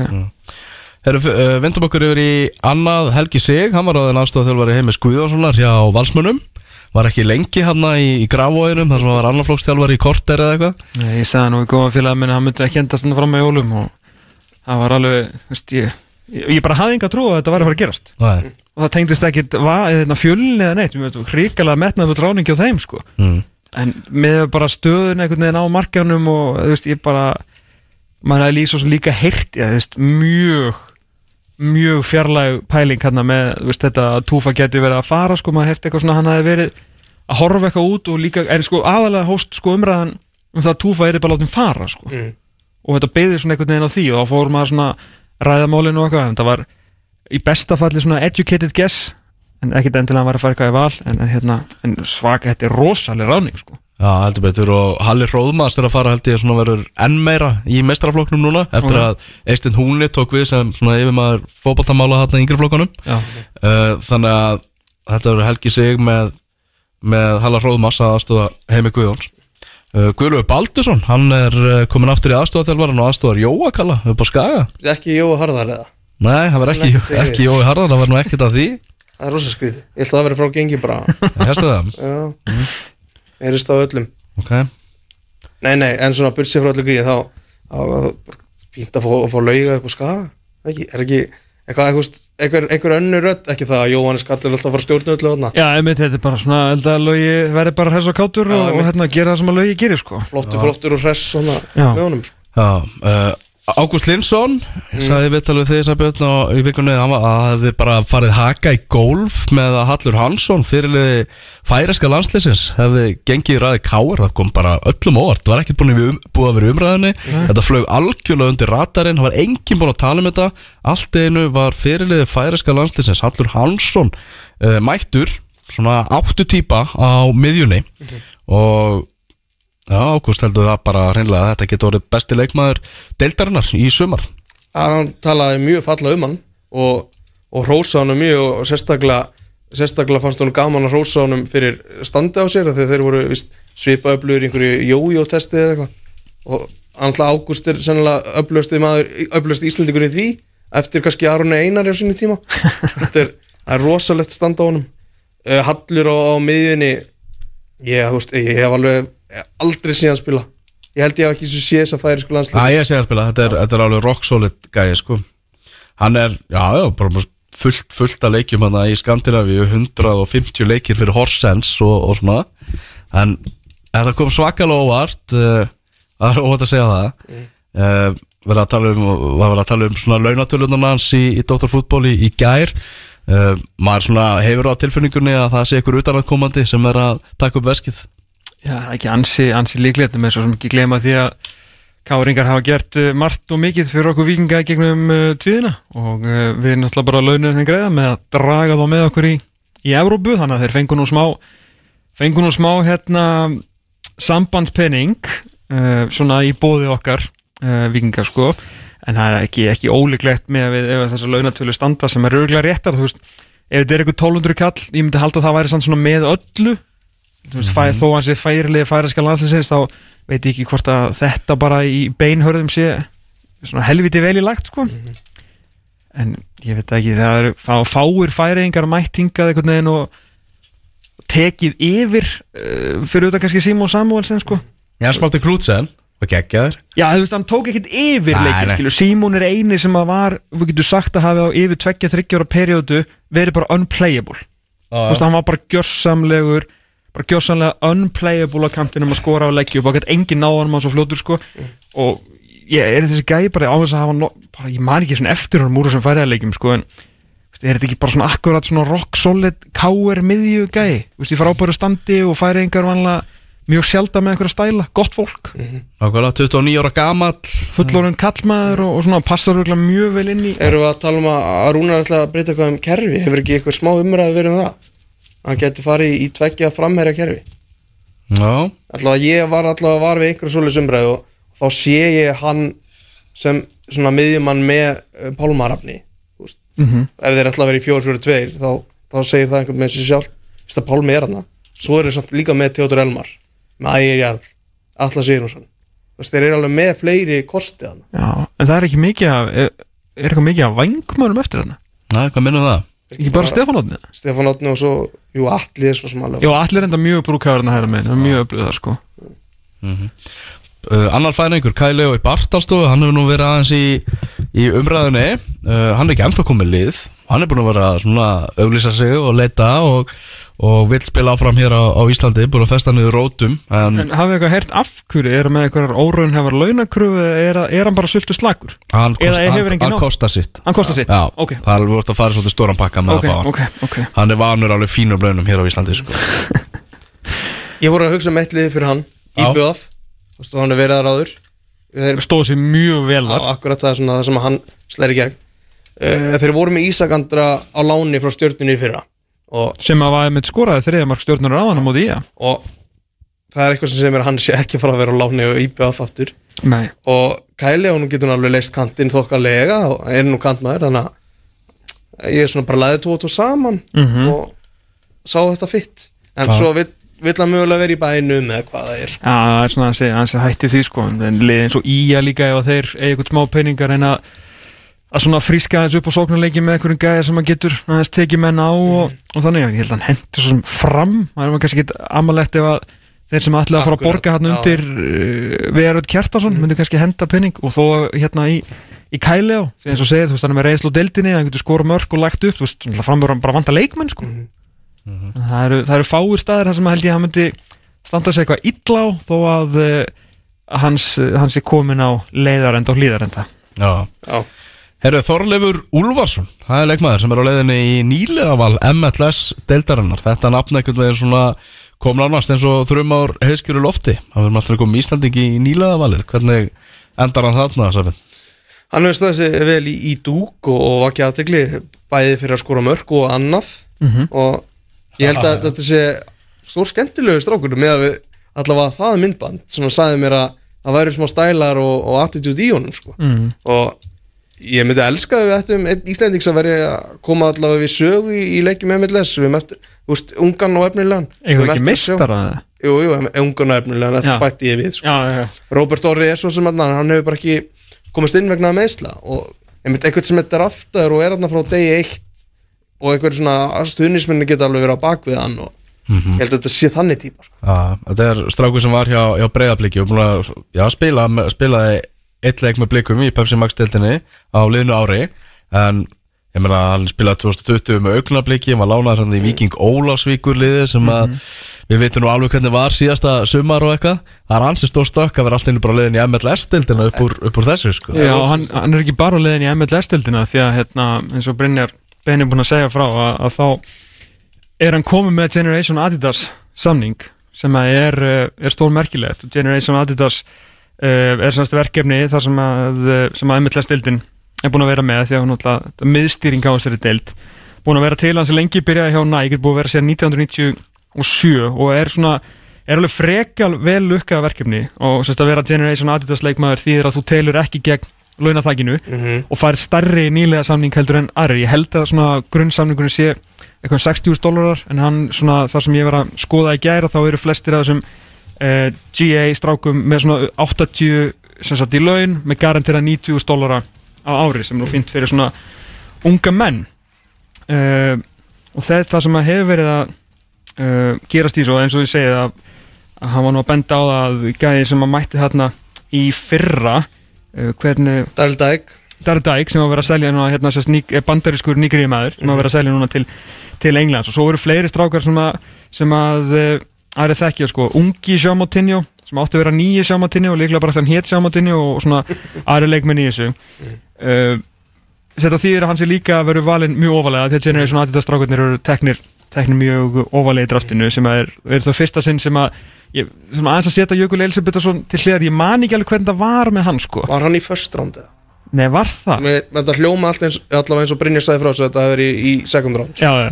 Þannig að hann er að fara kannski á 5 mögulega til Houston Dynamo sem er, er stort lið eh, en þetta er sann sko og mjög vel gert hjá, gert hjá honum en þetta er svolítið að breyta hvað maður að segja, svona leikmyndinni til enn frekar til eins betra fyrir Soccer and Education því að eh, kannski kemur ekkit mikið óvart að, svona, við vorum náttúrulega langt fyrstir til þess að, svona vera með Brynjar hérna nokkur reglu að fjalla um þetta stórmerka verkefni og fyrirtæki hans og, og eiginkonu sinnar hannar Jónu það sem þetta hefur, það sem ástæðan fyrir ég var alltaf mjög spenntu fyrir þessu var náttúrulega þessi, þetta tækifæri sérst, Íslendinga sem eru bæði stelpnu og stráka sem eru mátulega góði fótbolta sáu fram á það að geta ekki verið orðið einhverjir aturumenn en nýtt hæfileika sinna til þess að fá ævintýralega góða mentun sem að nýtist þér svo sannlega hérna uh, í, í þjóðfélaginu þetta heima sko. uh, og við erum að tala um við erum að tala um samninga í skólum upp á 10 miljóna per haus sko bara má minn fór í sko í tveggjarna sem kostaði sko 40 miljónir og tvö ár sko bara í mastersnám í, í George Washington sem heldur betur flotti skóli Jú, jú. hann að hérna. En það sem þetta var alltaf og það sem mannstu sem Brynja var alltaf að segja við okkur að draumurinn hans var alltaf að svona, þetta væri svona meiri fótbolti. Eða sérst ekki meiri fótbolti að leikmenn myndu fara inn í MLS-tildina því að þú veist það er miklu stittar inn í MLS-tildina í gegnum nýlega valið heldur en að vera keftur það er utanakomandi en það sem að fótboltin var Mm. í þessu var í raun og veru tól til þess að sapna þér vopnum fyrir framtíðina. Að vera að koma heim með, með gráðu frá skólum eins og þú veist Boston College, Duke, Clemson ég veit ekki hvað og hvað, því líki skóla sem þessi krakkar er að fara í. En með þessu, þetta bara breytir þessu algjörlega og sannar það sem að Brynja Ben er búin að segja í svo rosalega langan tíma að nú er þetta ekki lengur, er fótboltin ekki sko tól til þess að sapna sér í vopnabúrið. Nú er bara fótboltin orðið vopn. Að því að þú getur actually fara að selja krökkum það að þú getur líka orðið skilur fótboltamæður þið glemir því ekki að hafa verið að taka hann úr skóla. Það er generation Akkurat allir, þessum 99% sem hafa farið á Soccer and Education samning hafa verið að ná sér í mentun aðalega, með kannski einhver, einhver ég veit ekki hvort hann sé að fara að klára þetta í fjarnámi ég myndi nú alveg, ef hann á eitt ár eftir myndi nú alveg klára námið í dúk sko, ég ætla að sé mjög sniðið þú ert ekki fótballtamaður eilifu en núna getur bara getur Brynjar og Jóna og Bjarki og þessi krakkar í and Education ekki bara sýnt fram á það að þú getur fengið 20 miljónar nám heldur líka að þú stendur actually vel þá ertu með sönnu fyrir því að þú getur farið heldur að heldur og uh, ef að Brynjar og Jóna hafa það ekki nógu gott nú þegar sko að þá er þetta ekki að fara að hérna særa þau neitt mikið. Þannig að bara til hamingju með þetta því maður erum búin að fylgjast með þessu ykkur, ég veit ekki, sjö ári eða eitthvað með þessu verkefni hjá þeim og hérna bara hjartanlega til lukku, til lukku líka Þólur Úlfarsson því að að komast á GA samning er, er helviti cool sko. Já, þetta er skemmtilega leið. Hann er að, að svona brjóta ákveði múr með þessu. Já, algjörlega og ekki bara eitthvað svona bara fara eitthvað 28. sæti og þú veist, einhvert og mögulega komast í lið hann er bara, það er engin, að, það er engin GA gæi að fara að mæta og gera ekki neitt sko. svo náttúrulega undir honum bara hérna, Já, já Að sanna sig? Akkurat Hvað er þetta? Þetta er 11. janúar og það er talið að hann verið valin fjórði Já. Alltaf sagði Brynja það Já. á Houston Dynamo Já. sem að vera skemmtilegt að vera með einn í Texas Já, mjög gott sko Já, þetta er bara Já. Er Ég er, er, er eitt sem er alltaf verið mér Þú veist, ef hann er samningsbundin breyðablík segjum hann, ég veit ekki hvernig staðan er. Mm. er breyðablík að fara að fá eitthvað fyrir hann? Veist, þarf ekki MLS eitthvað með hann að setla það? Og annað, þú veist Ég meina þeir hljóta að þurfa að gefa leifi til að fara í svona val. Mm, ef hann er samlingsbundið þeim. Akkurat, það er Já, menn er góð pæling, það er náttúrulega samlingsmundin til 23 sko, þannig að vantilega þurfa að akkurat, bor, borga eitthvað. Líkar klókir þar hans að halda honum Já, já, þeir vissi þetta. Þeir En- eru- En þetta Generation Adidas af því að er þá Adidas að borga eitthvað í þessum launum eða er hann, er hann fastur hjá Adidas eða má hann spila í Nike? Hvernig er þetta? það er reynda góð pæling sko. Ég hérna þetta heitir sem sagt er skýrt sem sameigilegt uh, verkefni. Mhm. þannig að uh, ég myndi halda að liðin sjáu um að greiða en þetta sé svona meira eitthvað svona auðlýsinga Auðlýsinga tengt sko. Það verður kannski ekkert svona allt og vel síðan hann væri bara með Nike derhúi í fyrsta viðtali eða eitthvað. Nei, líklega, líklega ekki Það sko. er ekki litið jákvæðum augum að það. Ég held að sjóða að segja það. En líka þú veist að fara, MLS-deildin er bara að fara að stækka stráka sko. Þú veist, hún er bara, hvað, var ekki 25 ára ammali núna? Mm. uh, Hefur kannski svona stækka hægar heldur en margir byggust við Margir spáðu? Ég held að stækka hægar heldur en að margir bara heldu að þetta eru bandaríkin. Já, en þú ert basically að koma með nýja íþrótt íþrótt þar sem að samkvæmt mörgum könum gerist ekki neitt. Þannig að mér finnst það sem að deildin er í dag hún var að fá nýjan sónasamning núna 2022 til eitthvað og það eru allir að peka þetta upp sko. Já, bandaríkjumenn eru fannir að sína hérna, CBS er komið með Champions League og hérna, Serie A, ESPN nei fyrir ekki hérna NBC var að borga út úr augunum fyrir Premier League sko. Já, uh, og sagt nýji samningurinn hjá MLS-deildinni er huge. Og þú veist, fótboltin er bara að stækka þarna og deildin með sko, veist, það er sta- öll nýju liðin svaka spenna fyrir þessu. Uh, það er fullt á öllum, eða mörgum leikjum skilu, þetta er alveg, þetta er good shit sko. Já, vinsast að krakkasportið í bandaríkunum Þannig Já, að en það elskar elskar millistjættina að láta krakkana sem ekki meða sig höstnum á æfingum eins og hefur svolítið verið með hérna með ruðningin blessa Það er líka eitt með bara að þú komst með MBC samningi það er ekkit betra en að vakna klúan 7 taka hátegisleikin í ennska Þegar ég var síðast í bandringunum og langt þegar maður fekk að fara heim að, hérna, þá emitt var uh, á 2018 ára hann ég byrjaði að vinna við þetta og gæt maður hérna, séð þetta í öðrum löndum. Að þá emitt vaknaði ég bara okkur um lögutasmotnið og klukkan var þú veist 9 og þá bara ennski búið, þú veist hann er búin bara 5 nei, fyrr, hann er búin bara 4 þá, þá var bara kvöldleikur í búinn og þá bara heldur áfram með daginn sko. Já, skemmtilegt dag sko Gekkja, sko. Herruðu, Þóra Hákanarsson er komin inn í hús. Ætlum að ræða um Íslandsmóti fótbolta í sumar þessa, þessa nýju deild fyrirkomulagið og, og leikjaprógramið sem hafa gefið út núna hérna nýlega Þátturinn fótbolti.net heldur áfram. Við erum kom, komnir inn í setni klukkutíma þáttarins og hingaði komið Þórir Hákonarsson Hvorki meirann er minna Okkar pólitíski sérfræðingur til að ræða um Íslands deildina eins og við, já köllum þessa deild Íslandsmótið í fótbolta Vinnu heitið þar til að staðfest nafn er komið. Hvenar, Þórir, við byrjum bara því Hvenar verður þetta svona, já Hvenar verða pottarnir opnaðir og þetta kynnt með, með pompi og prækt Sælir Egil, takk fyrir að fá mér það, alltaf, alltaf gaman. Á, Gleðilt ár. Hérna, það á að, blasta þessu á stað 12. februar ok. Uh, Þá á að, sem sagt aðalfundur hjá ITF Mhm. og þá á að kynna nafnið á deildinni, að mér skilst. Og uh, kynna allt svona helsta kynningarefni sem á að vera fyrir deildina.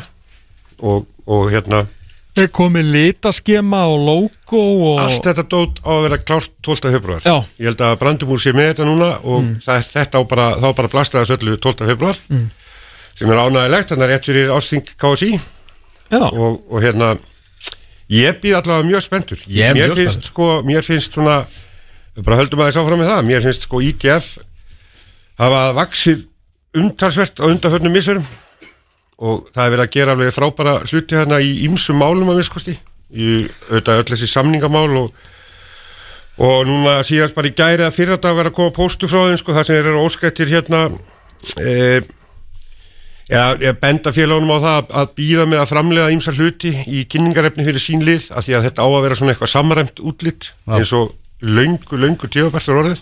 Heldur betur maður. Og ég hérna og það er verið að vinna sagt, annars vegar svona fantasíleik og, og hins vegar að, að svona fótboltamyndum og spilum. Það er það sem gefur fram í þessum pósti. Þannig að veist, það er fullt að gerast hjá þeim og ég bara býð spenntur eftir að, að við getum blastað þessu blastað þessu út 12. februar eru komnir uh, styrtaraðalar? Eh, ekki eftir því sem ég best veit Nei. ég hef heyrt einhverja nefnda en ég held að sé ekkert að því staðfest sko og get ekkert hérna sagt um það hverju það eru sem ég hef heyrt af. En ég held að þetta hljóti allt saman að, að hérna vera hérna á þessari dagsetningu. Mhm. Já, þannig að það er nýtt út, útleið, nýtt umhverfi í íslensku fótballta og náttúrulega nýtt fyrirkomla sem við talaðum áður það sem að vera með fjölkun leikja það sem að vera þessi tvískipta deild deildin er skipt upp í efri hluta og, og neðri hluta þegar að já, þessi tvöfalda umferð en hefðbunna tvöfalda umferð og, og 22 leikir eru að baki og þeir verða allir spil, spilaðir í ofsalögum oktober Við erum búin að redda þessu fyrir ykkur Ha. Eh, Að vanda, erum við búin að branda þetta allt saman fyrir ykkur Já, ég, ég er bara hérna Ofsalegur oktober, byrjar annan oktober, endar 2009. oktober þegar Íslandsmeistar að vera grindir uh, klukkan 2 og einhver, einhver lið vera fyrst til þess að falla, falla úr þessu. Var þetta, veistu til þess að pælingin var alltaf að hafa ofsalegan oktober eða bara raðast? Ég held að þetta hafi bara raðast svona upp en- lifandi en- slöka. Þetta er samt alveg frábær bæling sko. Ósalegur óttúber, það hljóma bara hrikalega vel. Ég er enda sko Þegar maður kíkja svona yfir þessa niðuröðun á mótun í heild þá held ég að eigi nú tölvert mikið eftir að breytast. Það eru hana nokkur atrið sem að bara gangar hreinlega ekkert upp eins og bara til dæmis það að loka umferð lengjudeldarinnar er, er sama dag og, og loka umferðinni á í efstu deld, í Íslandsdeldinni Ah. uh, fyrir úrstakefna Já. ég sé það aldrei geta gengið upp þannig að það mun eitthvað hlýðra, hlýðrast til þar uh, loka umferð Pepsi-delta Kvenna til dæmis er fyrsti óttúpir, það er sama dag og úrstaleikur, byggarúrstaleikur kalla er þannig að eitthvað sem mun hlýðrast en ég vona að við getum haldið í það að hafa þetta haft þetta ásalega Já, frá öðrum til 2009 mm Deildin á að byrja 18. april þar sem að Víkingur og FH hegast við. Íslands og byggamestarannir fá FH inga í heimsókna á mánudegi. Uh, annar dagur páska þannig að þetta aldrei nokkutumann hefur Íslands móti byrjað svona snemma. Sem að kemur kannski ekkert óvart með að við nýtt fyrirkomulag og fleiri leiki.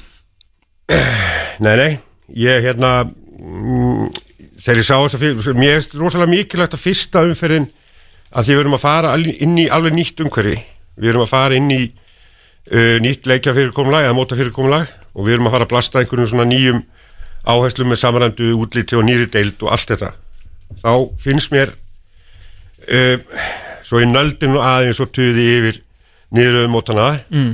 þá finnst mér að fyrsta umferðin það, það hefði mátt leggja eins meiri vinnu í það að, Ok. að gera hana sómasamlega ég, mér finnst hún ekki sexy. Bara segja alveg eins og er. Hvað- Er þetta bara heiðalegu dráttur?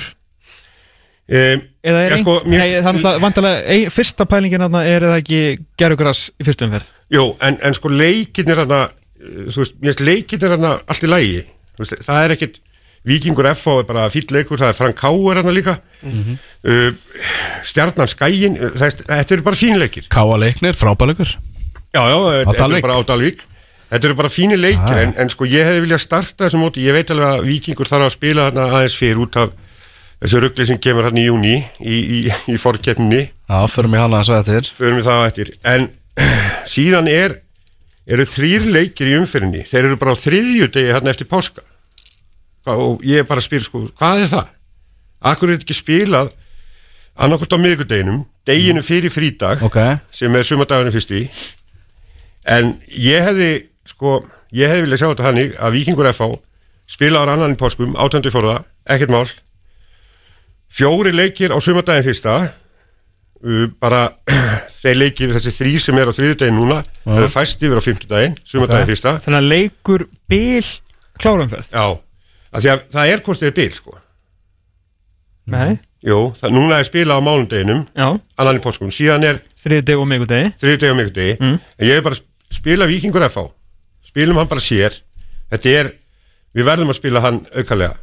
Hefjum svo bara mótið að krafti á sumardaginn fyrsta. Spilum fjórar, fjórar leikiðar það er þetta að dreifa því yfir daginn. Mm. ekkert vesen.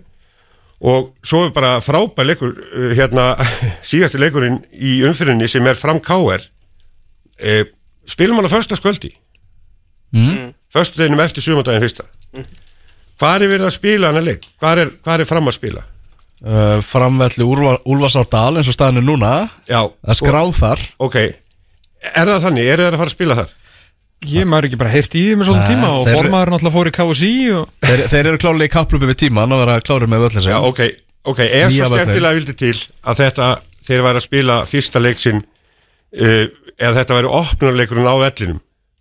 Hvað er betra heldur en að spila hann framkáir á föstudagskvöldi upp í Volsdal? bara frábær pæling. Já, frábært sko. Og ég, þú veist, þess vegna finnst mér að það er átt að leggja aðeins meiri í það að því mér finnst fyrsta umfyrin rosalega mikilvæg. Bara til þess að starta mótinu á svona skemmtilegan hátt fá áhörundu með sér umfjöllunum á allt saman. Uh, leikirnir í þessari fyrstu umferð. Uh, Víkingur FH, tölum um hann það er Valur IPVAF, nýliðarnir mæta á Origovöllin, Breiðablik Keflæk, Stjarnan IA, Káa Leiknir sem að verður á Dalvík þannig að þetta skráður hérna á Greifavöllin sem stendur en það er alveg klart mála Káa menn að fara að byrja á Dalvík aftur.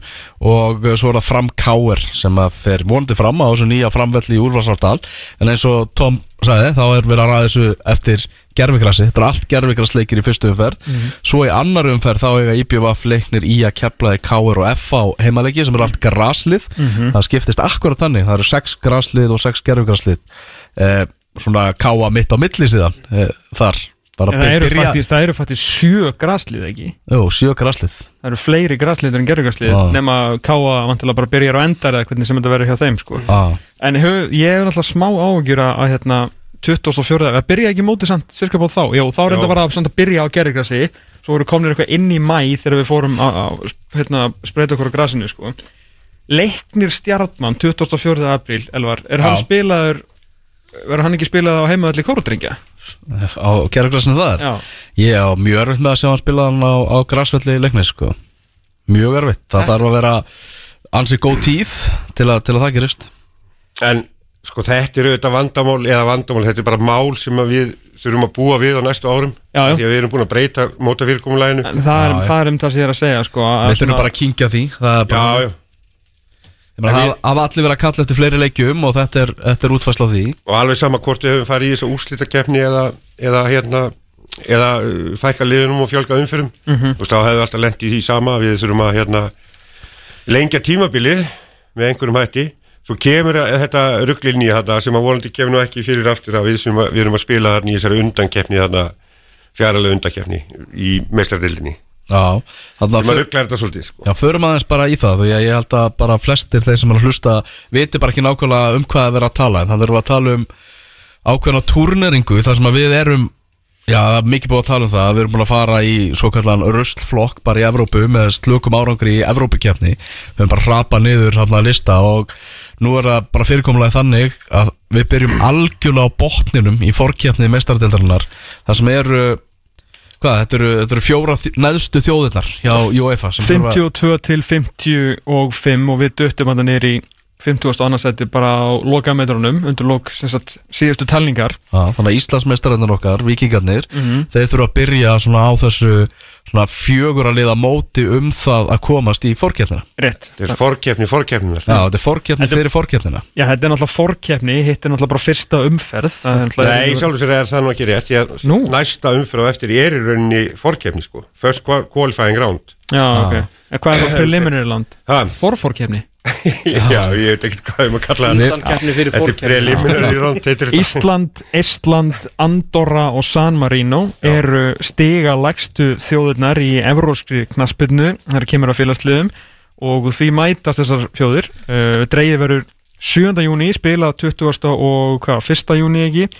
Og þetta er semst fyrir allt saman fram á sama staðnum. Já, uh, þannig að vikingar geta mætt meðsturinn frá Íslandi, Andorra eða San Marino. Og síðan er úslitaleikur milliliðana sem vinna og uh, vonandi fer þetta fram í vikinni já vikingar vonast til þess að, að fá að halda þetta. Já, ég, ég held að það sé bara staðfest. Þeir ætla að reyna, að reyna við það að fá að spila þetta hérna. Já, sem að væri bara, held ég, hrikalega skemmtilegt.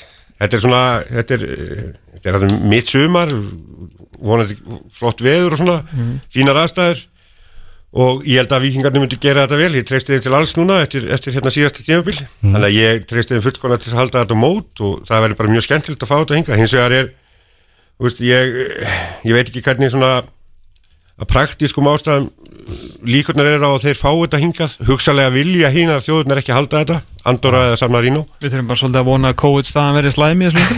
Já, því að veist, það, er, það er fínt að halda þetta hér en auðvitað, það fylgir því auðvitað aukin kostnaðar að flytja þrúlið til Íslands eða eitt lið frá Íslandi Eh, skiljið, ef að móti væri til dæmis á Andorra eða, eða í San Marino Kostnaði fyrir hvern. það er bara, það er meiri kostnaður það er alveg sama hver ber kostnaður, hvort það er Júfa eða, eða félagin sjálf eða hvernig það er það er meiri kostnaður sko Mm. Þannig að ég, en ég vona svo sannarlega að þetta verði hérna, það væri Það væri mjög gaman. geggja skemmtilegt að fá þetta hinga, jafnvel þó að þetta sé nú ekki sterkustu liðin í Európu sko, sem er að Alls spila ekki. þarna við okkur En þetta er svona krydd í sumar að það væri smá Evróputurnering. Já, það væri bara, það væri bara frábært og ég ætla að vona svo sannarlega að þeir, þeir hérna uh, fá þetta hingað. veistu hvernig það kemur í ljós? Hva, hvað er þetta verið haldið? Nei, ég veit ekki, en, en sko ég hitti nú Halla einhvern tímann, eða heyrði ég hann núna bara fyrir viku síðan eitthvað svo leis Ah. og, og hérna, hann átti vona á því að þetta myndi bara skýrast núna næstu vikum, sko, þannig að ég held að það fara að koma í ljós bara mjög fljótlega. Já, algjörlega Þarna, kannski skjóta því að að uh, hvernig stendast í, í að stjarnan? Tómas? Eru staðan í leiki á stjörnunar er 5-0 fyrir stjörnuna. Já. Uh, hérna, þeir voru bara að skora núna 15 marki fyrir augnumbliki síðan og þeir eru ekkit eðlilega lélir skagamenn í þessum leik. Þetta er svakalegt á að horfa og átni í markinu, hann verið ekki mikið. Nei, með eitthvað minna það Já, Ég sé að TBD skoraði marki samkvæmt Já það er skoraði öll markir hann. Já, svona eitthvað Twitter-reikningi í að þá skoraði TBD Já. öll marki ah, Lokatölur og kórnum HK 0 leiknir fjögur endu, endu leikar þar Já, Ok. í, í fótballta.net Binni hlömið þrjú. Já, Danni finnst með tvö en, en góð ákvísun, ég held að, ég held að byrja hlösi örglega í sótkví, eins og margir aðrir Já, eins og ekki verið. eins og margir aðrir Já, Hérna, kannski aðeins meira með þessa, með þessa keppni sem að vikingarnir að fara í sko, því að þetta, er, þetta er gríðarlega mikilvægt mikilvægt keppni sann sem áður, þó þetta sé hérna alveg neðst í Fæðukeðjunni. neðst fæðkeðinni Já. því að vinni er þetta að vinni, sem sagt, þeir þurfa að vinna þá tvo leiki, undarústaleikin og ústaleikin og, og hérna, þá Til, eru þeir bara til kom- þess að komast á í raun og veru samastað og íslensk liði hafa bara alltaf byrjað á. Já, og það er bara mikilvægt sko Algjör bara að ef, þeir, stigasöfnun. ef þeir tapa þessu þá, ef, ef, semst, ef þeir vinna þetta þá eru þeir að fara bara að spila í undakeppni meistaradeildarinnar 5. 7. júli þarna 10 dugum setna bara Mhm. uh, ef þeir hins vegar vinna þetta ekki þá fa- faraði bara inn í hérna sambastildina sem er þá ekki fyrir 21. júli sem er mánuði setna Mhm. og, og miklu minni svona peninga þó okkur ég heldur séum sammála um það við, við kunnum vel við þessa sambastild Mjög vel. Já, Mjög vel. en við viljum samt sem áður að, að rífa okkur aðeins upp á þessum ágæta hérna lista og, og vonandi komast bara vikingarnir áfram í, í, í fórkeppnina eða undarkeppnina í, mest, í me, meistardildinni og, og hérna geti haldið upp í heyri okkar sóm, og sóma þar Já, ég bara, þú veist, ég veit ekki hvað, ég þekki ekki stigagjöfina, ég er náttúrulega lít bara á hvað menn eru með, eða lið, þjóður eru með mörg stig, en að sjá okkur með 4875 uh, í 50. öðru seti og færiðar í 47. 5 sætum fyrir ofan okkur með 6125 stig. Ég Já. veit ekki hvað þetta þýðir, en ég veit bara að það þýðir þetta er ekki gott. Já, það þýðir bara það að, að Þetta, víkja þetta er auðvitað ekki gott en, en, við skulum ekki gleyma því að færinga fengur gefin ansi mörg stig hana út af, út af COVID að leikinu séu runni í Já, Evrópukeppninni. vissu- vissulega, en, vissulega. en, en hérna En þá getur breytir- líka bent á að Gíbraltar er frá ofan okkur og... Já, já, er, hættu þessu bara Það er bara blá, blákuð staður en það bara vikingar eru basically að fara í turneringu um það að komast á Já, það er stig sem að, sem að færa að mestandi byrja á. Við erum, Íslensk fótbollalið eru bara ekki nógu góð. Uh, Við erum ekki nógu góðum stað og við höfum eiginlega ekki tíma á sumrin til þess að standa í svona vittlisu Já. Þannig að nú þurfum við bara allir að leggjast á áraðnar Víkingar, blikar, uh, káringar, þóks í vikingum og auðvitað hérna Nei, er þetta ekki einu liðin? eða? Jú, Það er bara þrjú í ár. Já, Nú þurfum þessi lið að fara að vinna fótbollalíki sko. já, þau þurfa að fara að vinna hópaldalegi Eins og blikar gera undir í fyrra, En sko Ok, ja, það sem ég verið að gera núna er það ekki einhver tilhörun til þess að reyna að gera þetta betra þó að það gerist ekki á einu ári? Það er að segja breytingin á móti, mótinu og svo Jú, framvegis. jú, jú, jú, jú. En- En... einhver stað þarf að byrja Ég hef það sko úslitakefni og, og ekki úslitakefni Þið viti alveg mína skoðun á því. Ég, ég er ekki að fyrirkomulegi Já, þessari, þessari tvískiptu deild Þessari tískiptu Jú, deild úrslitakeppni er eiginlega bara rángulefni um þetta sko. Já, eða tískiptu deild eða þú mátt kalla þetta bara hvað sem þú vilt sko. ég, ég, bara í grunninn er ég ekki fylgjandi þessu fyrirkomulegi en uh, það er þó umtarsett betra heldur en að fjölga liðunum í deildinni eins og einhverju lögðu áherslu á. Já. ég held að þetta sé, þetta sé betri deild. En sko hugsið ykkur bara síðasta kjenstíðanbíl hvernig það endaði hefðu þið viljað eftir alla þessa dramatík sem var þarna? Sölvi að verja á línu með hausnum skagamerinir unnu kvettleikina fættur öðrum voru löngu, löngu fallnir en björgur sér frá falli og vikingur var meistar í síðust tveimur umfyrunum hefðu þið bara viljað eftir alla þessa dramatík? Já nú fyrir við úrstakefni Sko, en, hvernig hljómar það? Þú veist þess að þetta hefði náttúrulega ekki verið svona Nei, það er bara svolítið málið. En, en ég, ég, ég Þetta bara er svolítið segja eins og fara aftur í tíman og kremja flugu og þá skilur risaðlunar en þú til sko. Þú veist, Nei, skilur þetta er Ég- þú ég að þetta segja, hef, það þú hefði Sölvi hefði aldrei sett hausin í þetta. Það er svona svona hlut, þú veist, ég meina, hann er hetja af allt það en þú veist, Átni hefði öruglega skora á vítunu ef að bara það er undir að vera í fyrsta, fyrsta eða öðru sæti fyrir úrslakefni Já, það er svo mikið að hlut, þú veist, all, bara strúktúr mótsins. Það er akkurat það sem ég hvernig liðin koma inn í þetta Það er og, og þetta er ekkit vondu punktur Það er akkurat það sem ég er að benda á. Að þú er aldrei upplifa náttúrulega þessa ævintýralegu spennu af því að hún kannski hefst ekkert fyrir ný tviskiptildin sko. Nei, ég, ég bara hérna ég, svo- Við erum búin að fara yfir þetta ofta áður. Ég, ég bara sé ekki hvað við verum að fá út úr þessu annað en bara, við fáum vissulega fleiri leiki. Ég held við fáum ekki skemmtilega mót og það sem, að, það sem þetta hefur verið sko það er sama fyrirtæki sem að hefur verið að, að setja upp nú, sko norska sambandi er að spá í einhverja breytingar á deildinni þar núna. Og það er sama fyrirtæki sem er að vinna fyrir þá og vann fyrir dönsku deildina á sín tíma.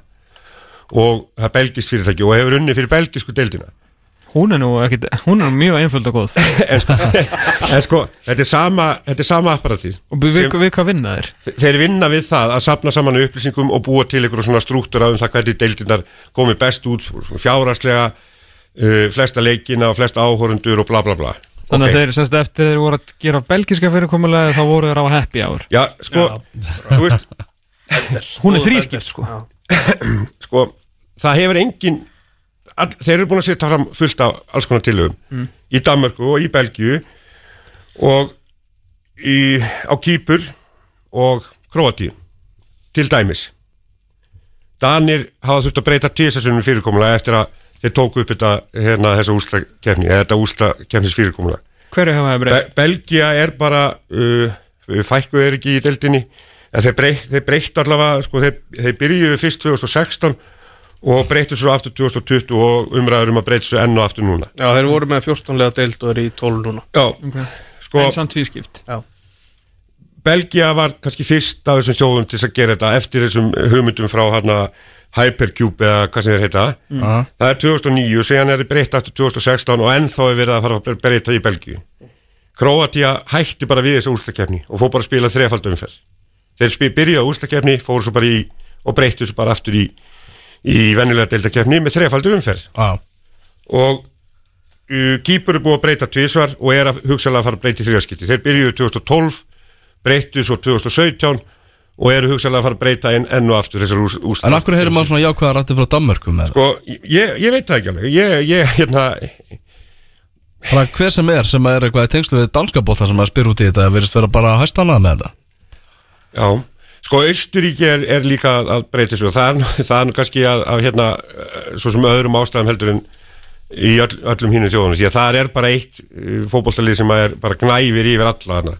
Salzburg er bara að vinna allt saman hana og, og hérna, það er svona verið að reyna að eh, einhvern veginn búa til fyrirkomlega þannig að það verði svona meiri spenna í að minnskusti öðrum hlutadeildarinnar en ég held að þessi ústakefni hún sé svona, þú veist, þetta er tilrunarinn að virði. En við höfum að fara hægt í sakirna með það að fara að koma þessu fyrir í að minnst í öðrum deildum á Íslandi Já, það eru umræður um að setja þetta inn í kvennadeildina og hugsalega í lengjudeildina og, og e- eitthvað svo leiðis við eigum ekki að gera það sko. Við eigum aðeins að hingra sko. Já, ég held að þetta sé klálega verkefni til þess að byrja með hann uppi. En það sem að við náttúrulega erum ekki að gera það sem að danirnir og austríkismennir eru báðir í að það er að raun og veru sjönda sætið uh, semst efsta liðið eh, liðið sem að vinnur neðri hlutan náttúrulega á séns á að fara í Evrópu sko. Og það er náttúrulega það sem við höfum séð sko, náttúrulega móti hverju voru blikarnir að spila í ár. Östriða Vín eða ekki? Já, Ástriða Vín náttúrulega er tvö orði röpun endi sjönda sæti og fara í Evrópukefni bæði árin. Og í Danmörku á síðustu leiktíð var að eh, komst hérna Ólborg endaði efst í neðri hlutunum komst í úrstuleik við AGF um konferenssæti og tapaði vítaspinnukefni sko. þannig að það er náttúrulega getur liðið í sjöunda sæti verið að ná Európa-sæti sko. já, já. og það er svona, hefur verið einmitt svona gullrót fyrir hérna neðri hlutan sko, ég man á Danið er hérna Óli Kristásson frá sem er Randis á sín tíma sko, sem að gera náttúrulega neðri hlutan mjög, mjög spennandi en síðan náttúrulega spurning um hvort að þú viljir að lið frá þinnu þjóð sem að er ekki nóg gott nema til að senda í sjöunda sæti og kennst ekki svona í efri hlutan er síðan að representa því í Evrópu á næsta ári sko. Já, það er náttúrulega ekki þannig okkur er ég, ég er að segja það, við erum ekki að gera það Við erum ekki að gera það og, Nei, nei. og líka svona eitt sem að kannski þarf að ítrekka fyrir hlustendum er að þegar deildinu verður tvískipt þá tekur hún öll stíð eins og vannst í, í hennu venjulega móti með þér í, í keppnina. Það er ekki byrjað í nulli í úsletakefni Nei, sem betur fyrr. Það er ein pæling í þessu. Varandi þetta sjöndasætti, er þá eitthvað að auka peningu upphæðið eða eitthvað svoleiðis sem fylgir því? mm, ekki, ég hef ekki hýrt að því sko. Ég, ég veit ekki hvernig uh, nákvæmlega það ég veit ekki hvernig það er nákvæmlega sko. Já, ég, mér, ég finnst bara þessi, svona mér, mér finnst þessu umræða sko um það að, sé ekki, eng, ekki, að enga að keppa fyrir sjöundasætið ég menna í venjulegu fyrirkomulega er hvað sem er ekkert að keppa fyrir sjöundasætið nei, sko. Það, er það er alveg rétt. Og við lendum uh, þú veist við lendum uh, oftar en ekki í því sama, ég meina deildin er verður til að svona tvískipt eða hugsalega þrískipt alveg sama hvernig fyrirkomulega er á henni. Já, akkurat. það eru 2-3-4 lið best, svo er einhver svona 2-3-4 þokkaleg í miðunni og svo er uh, fjögur næstu liðin sem eru miklu slakar en allin mm -hmm. þannig hefur þetta bara verið svona gegnum gangandi og það mun ekki, í sjálf og sér ekkert breytast. Það sem ég ég er svona pínleitar ágjur af er bara hérna aðsóknin og, og umfjöllunin um þetta uh, hérna í oktober Aha. uh, sko allavega dæmin sína það hérna það sem þessar úrslitakefnir eru og það er ekkit þú veist, úrslitakefnir sem slík hefur ekki laðað áhörendur í Danmörku eru til dæmis færri áhörendur á leikjum í úrslitakefninni að jafnaði heldur en ný deildakefni sjálfur Og- nema þá vantarlega hjá leðunum sem að eru að keppa um allt saman. að bara jafnaði, ef þú tekur bara jafnaði yfir Já. úrstakefnina, þá eru það færri áhörendur heldur en eru í, í hérna deildakefninni sjálfur að jafnaði. Og hvað þá hér á Íslandi hefur við að spila úrstakefnina í oktober og svona nánast fram í nóvember?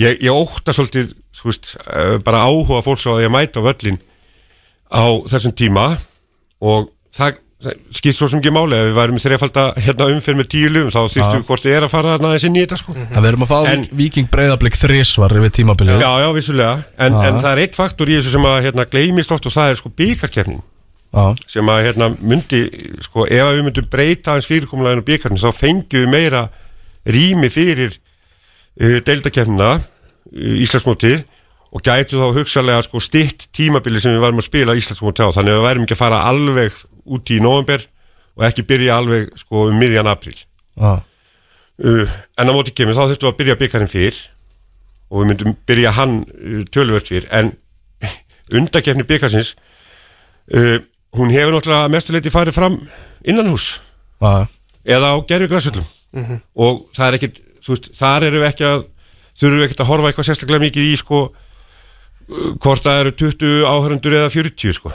Þú veist, það eru bara fáir áhörundur alveg sem að hvernig við lítum á það. Það eru bara þannig lið í keppnina, það eru bara fáir áhörundur á þessu leikum hvort þið er. En eins og ég hef talað um margsinnis það sem er mikill kostur við þetta nýja fyrirkomulag er að það er ekkert mál að bakka ef að menn eru, Akkurat. ef að menn, menn líst ekkert á þetta. Það er einn hérna punktur Þóri talar um áhörundur og velli Það er það sem að örgulega margir eru heima að hugsa. Hvernig að hv- Hvað, þú veist, ef, ef þú endar í efstasætti Hvað færðu marga heimaleiki í þessum Fimm leik, auka leikjum og, og þú veist, á móti hvaða liðin uh, Þetta er nú bara góða punktur já. Ég hef nú að viðkynna, ég bara Er búið að ákveða þetta? ég, Nei, sko, það er nú fyrir að fyrsta er ekki búið að samþykja þetta sko Nei Það verður náttúrulega gert á ástinginu sko Já, ok, það er vantilega já. En ég, En þarf ekki að þetta er bara mjög góða punktur já. ég, ég, bara, ég veit ekki hvernig það lítur að vera búið að hugsa þetta En ég, ég, Já, það er bótið til einhver formúla bara sem við En ég getum bara frá ekki, ég það sko. sko Ég er með lausn en það er alltaf flókið að útskýra því út. Já, ok.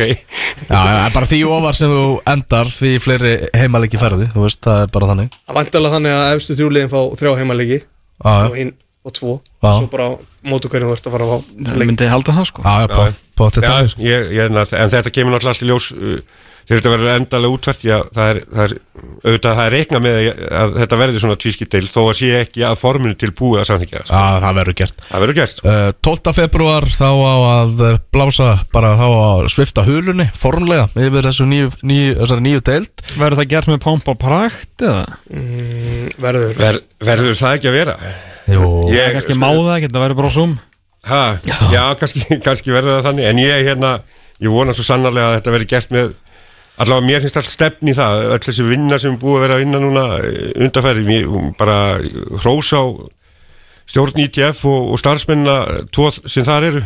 Ég minnst að hafa hérna Þetta hefur tekið gríðarlega miklum framförum á undanföllum missurum og hérna, þeir hafa unnið gott starf og vonandi halda þeir því áfram. Eina sem ég get sett út á, bara til að nöldri yfir einhvers og það er leikjanniðuröðin, ég hefði viljað já, já, það er þetta hefði verið svona gefið aðeins meiri tími í það en kannski er, er hérna mótastjórinn bara grjótarður á sínu og, og hérna hlustar ekki neitt. En annað um þetta ásting Verður eitthvað, einhver baráttu um, um formálinu 27. februar, ásvellir Já. Ástein KSI Já, Ásvellir.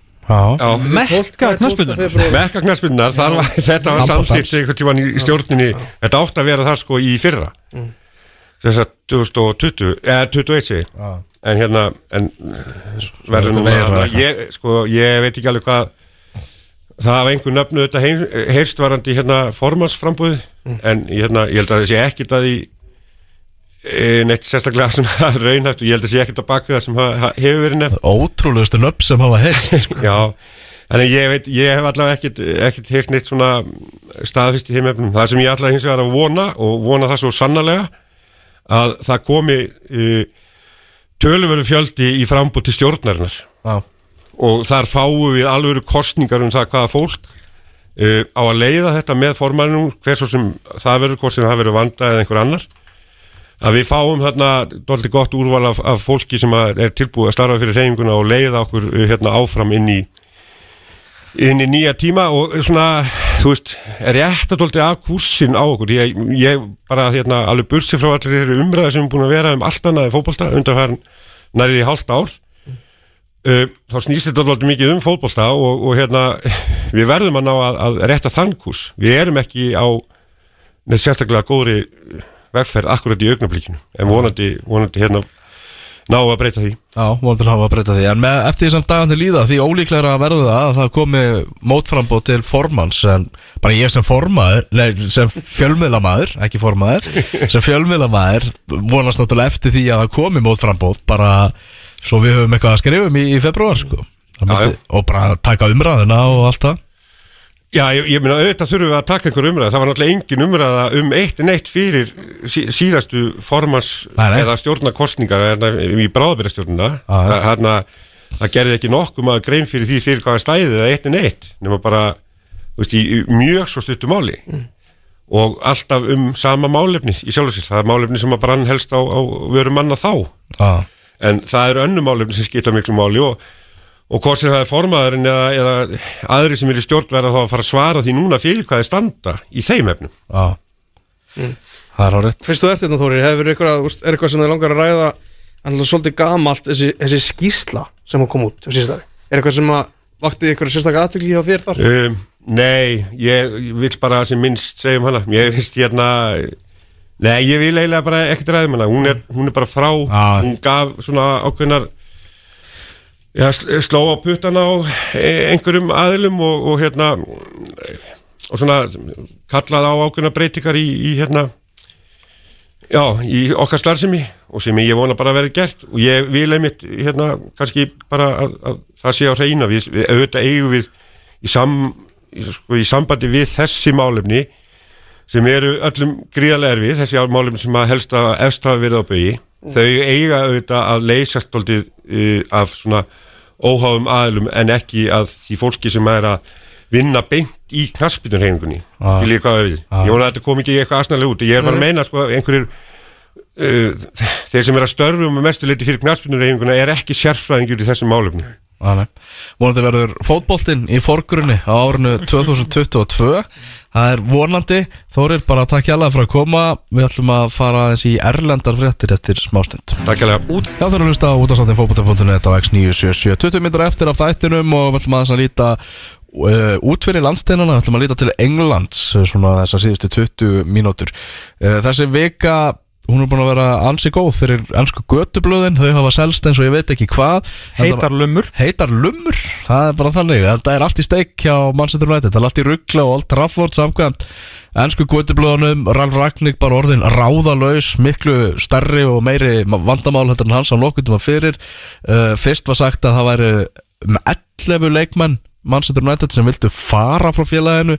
Svo talaðu við með þess að farið hækkandi eftir bara hvaða já, blaðir verið að, að lesa. Uh, að mörguleiti bara sömu vandamál svona Ólíkunar Solskjær var að klíma við en svo kemur Ralf Ragník ráðin sem bráðabyrjastjóri og, og þessi titill, hann er vist að geta hjálpa honum að ná til leikmanna. Þar sem að leikmann hugsa bara að það verður ykkur annar Pochettino eða eitthvað mættur í næsta sumar. Og þeir eru líka vist virkilega ósáttur við gæðin svona í þessum aðstofamönnur sem að Ragník hefur verið að, verið að ná í. Uh, veist, hvað hva þarf að gera til að stund, eða veist, leikmenn Manchester United verið ánæður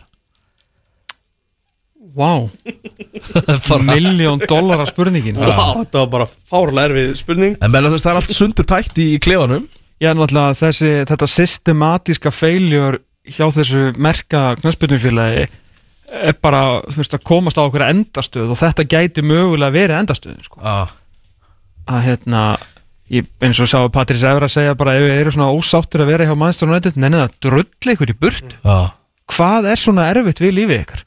Það eru þið sem að kunnið ekkert, sko. Eða þú veist, kunnið ekkert, nennið ekki ykkur. Ah, það verður verið eins og svona leikmenn sem eru lítið að axla ábyrð þeir eru bendandi á alla aðra Já, bara ekki neitt, skilur svo skilja er ekki taktíkina og þá er þetta alveg vonlaus taktík, veist, ef hérna gekk alveg ágætlega hjá Leipzig, sko, ég veit að hann var ekkert alltaf að þjálfa á, en, en svona að gera ágætið slutum í sjálfkið ég veit að hann er, þú veist, allt í hennu núna er hann orðin algjörlega ómögulegur, hefur maður líka segja hjá stuðnismönnum Manchester United, sko, að því að eftir að Bruno Las kom og, og tók þá í sundur hérna í, í, í viðtalinu eftir leik, sko. En í grunninn snýst þetta bara um það að, að það nennir nánast engin leikmaður Manchester United nema Scott McTominay sem er samt ekki, sem er samt svona þú veist, 14. besti leikmaður en Já. hann verðist vera eini sem ekki nennir að hlaupa sko, ah. og leggja sér eitthvað fram. Fred nennir í sko, hann er bara getur svolítið góður eldur Nei, hann er samt reynda að vera ágætur. Guð bless hann sko og Já, hérna, en síðan er þetta náttúrulega bara þessi kaup hafa bara verið svo verið svo slökan já, ég veit ekki, þú veist Rassford er ekki líkur sjálfur sér, Greenwood fór vel á stað hefur ekki skorað síðan í, ég veist allir að segja þessi eitthvað næst besti leikmæri og nætt tímbilinu ég meina, hjálpið með það, hann er ekki Vá. skorað síðan í fjórðunum fyrir Það það er rosalegt uh, Aftur hverjum David Gea er alltaf bara lang besti leikmæður Manchester United það sem Er að Ronaldo ekki búin að vera betur en Greenwood? jú, þetta er svona, þú veist, en það er alltaf svo hrifnaði greið út af því Já, ungur ennskur sko, en auðvitað Ronaldo er náttúrulega búin að, hann dróðu allan í 16 úrslit. Champions League sko Ah. hérna, þetta, þú veist, þetta er svo stór umræða þetta er eiginlega svona bara tveggja tíma spesial að fá bara hérna nokkra United sérfræðinga til þess að fara yfir þetta, þetta er bara þetta er nána sko og svo nýji stjórnaformaðurinn besti vinur Edward Watt þetta er svolítið eins og bara valdi FH sko. Ah. skilur, æ, þú veist, ekki til að leiðilegu valda en Nei, skilur hvað við, bara maður sér enga svona fljótu bræði einhvern veginn enga leið út úr þessu í bili hjá, hjá United sko. Þið verður átt ykkur á því hvað þetta hefur mikil áhrif á bara ennsku úrastildina og bara evróst knaspunu áhorf á Premier League því að sama hvað þér finnst um Manchester United hvort að þú heldur með ykkur öðru liðið ekki að þá er Premier League svona hefur frá aldamótum verið byggð í kringum Manchester United og Liverpool. Eins og það vel séð á Sky. Ég meina hátegisleikinnir á sínum tíma voru alltaf United Liverpool og það var hann að hýfa þetta upp í öðru löndum. Aðal pöndundarnir í aðal þættinum eru frá Liverpool og United og þeir mætu sko þó að, þó að bæði lið hafa unni fimmleikiröð og það er ekki um neitt að tala að þegar Gary, hérna, Gary Neville og Jamie Carragher eru saman í Mountain Night Football þá finna þeir samt eitthvað til að tala um United og Liverpool og fólk er alveg jafn breytt þar eins og það er hér heima þegar eitthvað verið að fókusa á United og Liverpool. Ég meina við tókum ákvörðum fyrir tíu árum síðan að fókusa bara á United og Liverpool og vorum hérna með Tryggva og, og Kristján alltaf og erum ennþá með sko. Já, já. þannig að það þjónar engum. Nú, ekki sko eins og Liverpool menn eru bara fattin að vorkina þetta er náttúrulega löngu hætti að vera fyndið. Skilju bara að þú veist það er ekkert áhugavert að séu 20-30 stig á milli í Liverpool og United. Og þetta er bara vondur business fyrir alla sem að bara hafa aðgangarsæri deild að þetta lesi svona ekki bara slagt ég með þetta geta komið vond árin á milli en að það sé allt bara í ruggli sko. Það sé að þú veist svona Ralf Ragník bolti sem hann vil spila uh, sáum hann að fyrri hálfleik á móti Crystal Palace síðan þá hefur þetta bara verið niðurleið bara alla, allan tíman ég meina, þetta er svo, er svo óra fjarrið því að vera að fara að detta inn í einhvern Ralf Ragník bolta sko ég, ég skil ekki hvað gerist í fyrsta leiknum með það sem hefur gerst í síðustu leik Já. Þetta er alveg ótrúlegt sko. Þetta er alveg magnað dæmi. Hva, Hvað aldrei það gerist? Er, er það Pochettino í sumar? já, er ekki byrjað að vera að skrifa sítan til Já. PSG og, og hérna, Ragník bara alltaf nenni þessu nokkuð þegar hann sá Og bara, eitthvað, eitthvað blasir fullir það bara Pochettino verður bara tilbúin í hvaða samning sem er bara ef hann fengi, fengi að taka við United ég held að, vantilega, ég get ekki ímyndað mér að Ragník, svona endurkoma hans í, í þjálfara úlfuna, að hann hafi gaman að þessu, þú veist, orðin á hálftíma og setna blaðamann fundi í gær og, og ég held að hann bara svona stíið inn í aðstofar sem hann vissi ekkit hvað væru slæmar sko, og svo þegar allir eru einhvern veginn á mótunum og enginn, að hann er svona þjálfari að þú þarft að vera með honum sko. hann er rosalega skýra sín alveg svo þú veist Tukkel og Klopp og Guardiola og ef þú ert ekki með þá er eiginlega engin nót fyrir því sko. Já, þegar leikmenn eru farin að googla þig þegar þeir heyra að þú sért að fara að taka við sko. hvað er málið sem skiptir það hvað, veist, og, og næsti einn af, einn af líklegustu stjórnum til að taka United og eftir Pochettino er hérna strákurinn með Sporting Lisbon þá fyrst þurfa það nú að fara að googla sko. Ég þarf að googla það sko. Einmitt, þannig að hérna, þetta er ég held að Ranník á endanum verði bara fín upp á skristu að finna einhverja, einhverja gútsitt leikmenn og, og Pochettino sé mögulega bara maðurinn hérna sko. en, en hvað veit maður svo, menn hann tapaði gæti ekki unni fransku deildinni fyrra sko. Fyrir maður að sé í janúar klukkan Það er 8. janúar Coutinho mætti í, frá Barcelona til Aston Villa í gær. Uh, tók að sér vist launa lækkun Já. Til að fara aftur í faðm gamla fyrirliða síns Steven Gerrard. Tók hann aðalega samt þannig að Barcelona geti fengið fótboltakalla? Já, Já, það var, það var ástæðan sko. Já, en hann þarf náttúrulega að enduræsa sinn feril Coutinho.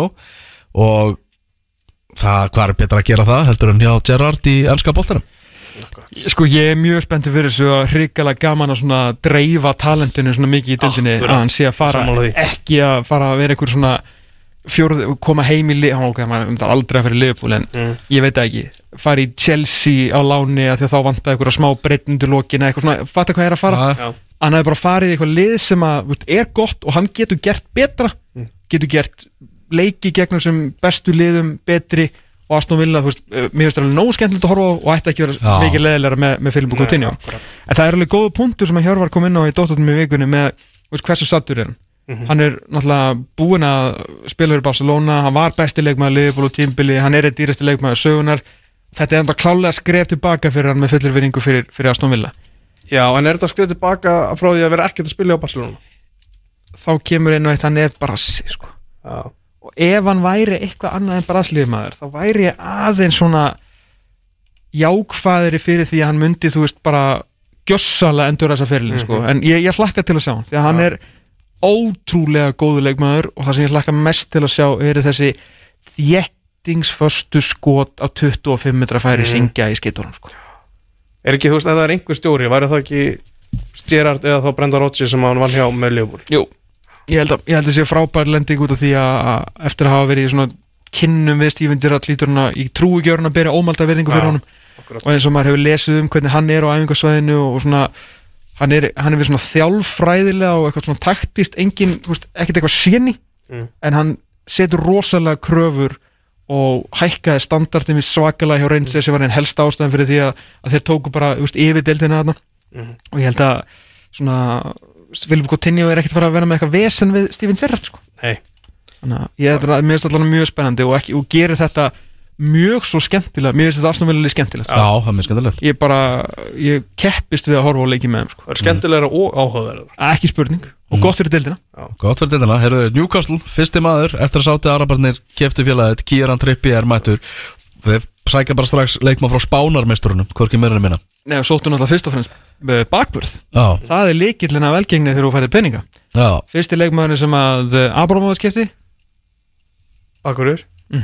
að ég man ekki alveg hvað það var. Nei, ég hef mér svo sjálfur búin að glema því. Byrju, hver var það? en þeir þurfum náttúrulega bara að kaupa sér heila varnarlínu Newcastle. Fyrsti leikmaður sem að City kipti Wayne Bridge. Já, það byrjuð þar, Já. byrjuð stert Já, þeir þurfa að bæta heldur betur við. Sáðu myndin af Trippi að reyna að benda á Newcastle logoið Já, mér fannst það og mjög gott. benda á handakreikar á sér. Já, eða auðlýsingun á Já, hann, allan, hann var eiginlega svona mitt á milli Það sko. var mjög skrítið. Þetta var mjög, mjög skrítið sko. En Þetta- Trippier, það er eitt sem að Því þú talar um United á hann United var bara að taka Trippier Já, Hann væri bara, 12 miljónir punta og þá talaðum við um þetta í sem er þess að í fyrra. Já.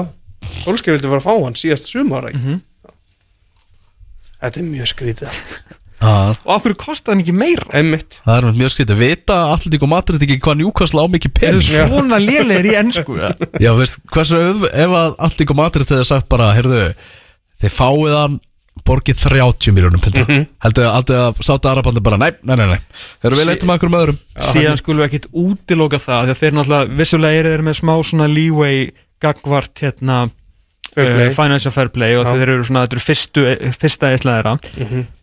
þú veist ef það kemur í ljós í einhverju úttækt frá der spíkil eftir fimm ár að þeir hafi raun og veru borgað Miklu meira. 50 miljónir já. og 12 voru gefnar upp skilur hitt fó bara í ferðartösku til þeirra ég, ég myndi ekki missa haugun í gólfið sko. Það getur líka alveg verið það mér finnst þetta mjög skrítið verð fyrir, fyrir svona góðan leikmann sko. Það talað um alveg 26 miljónur einhvers staðar bara á, á stórum miðlum sko. sem hefði samt bara alltaf verið hnettur já. sko. En samt 12 er minn en helmingur Já, vissulega, vissulega. Það er spurning, eh, hvernig framaldi verður séðan hjá Newcastle út þennan glugga? Það er alltaf nokkuð ljóst að það verður svona 40 leikmenn sem verða nefndir á gluggadeginum Mhm. við Newcastle. Já, ég vil fá fimm kaup á Já, og svona hópmynd. Já. Já, og bara þyrlur og flugvelar að lenda bara á sig, þú veist, ég vil fá þannig gluggata sko. Eða ekki hópmynd, bara sitt hvort og það væri bara Það væri bara að skrifa um Newcastle Allan dag Þess að leini læk sko Og hann er búinn að klára læk sko. Þeir verða bara skæ verður í bytni frá St. James Park og bara borga sig sko. Verður þar. Harry, Já, veita vittul stúdíu verður bara bíl Já, hann verður bara í Heyrðu, það er byggarhelgi á, á Englandi og það er bara hver byggarleikurinn er, er, er spilaður sama hversu marga vantar, hversu margir eru með COVID og þetta er svona tími aðstofaþjálfarna núna. Já, Margir- og aðstóðar aðstóðar Já, nákvæmlega aðstofaþjálfara tvö. Þeir eru að fara að fá að stýra allt inn í leikjum og svona. Já, Þetta er, þetta er fyrir þetta aðeins sko. Það eru einhverju leikir í, í gangi núna Það eru Millwall Crystal Palace Það er 1-1 Það sem að, eh, já, sko, 51 mínúta er liðina af leiknum. Ég jóndaði byrjuleginu Ö, Nei, Nei. þetta er ekki svona að kíkja á það. Ætti hann þá ekki að vera að fara í landsverkinu Var það ekki í dag, held ég? Var það í dag? Held ég fljúa allir á Já, ég er bara á morgun Börnlega 1-0 yfir á móti, móti Huddersfield. Uh, Frétti gær Benjamin Mendy laus gegn tryggingu. Ég skil þetta ekki. Ákveður er að vera í fangilsi núna? Eh, Fangilsi geðvitt lengi Var verið að færa hann sko í öryggis öryggis fangelsi, eitt allrændasta fangelsi Breitland segja Þú veist, ég held að tryggingin sé svolítið há fyrir þú ert með sko sjö kærur á þér, á þér fyrir kynferðisbrot til að þú já, fáir bara að vera laus gegn tryggingu sko Ég held að lökkan sé hérna Það er búið að segja nei við hann þrísásinum áður en hann fekk já Við að fá að losna sko. Er ekki bara verið að berja úr hún og líftúruna geggjað. er, er það ekki ástæðan fyrir að bara að hleypa honum út þannig að hann verði ekki bara blár og marinn í réttur mm. það er eiginlega eina sem er dettur í hug sko. Hann fær allavega aðeins að sjá bláan himinin hérna í einhver tíma að honum verður bara skellt bak við lás og slá í langan tíma. Mjög langan, Já, alveg rosalega langan tíma sko. já, þetta er, þetta er eitt, eitt stykki. Ræðum ekki Benjamin Mendy frekar. Ef að koma að sína á hérna .net móti Já, Það er 2-1 fyrir breyðabliki á móti Keflavík.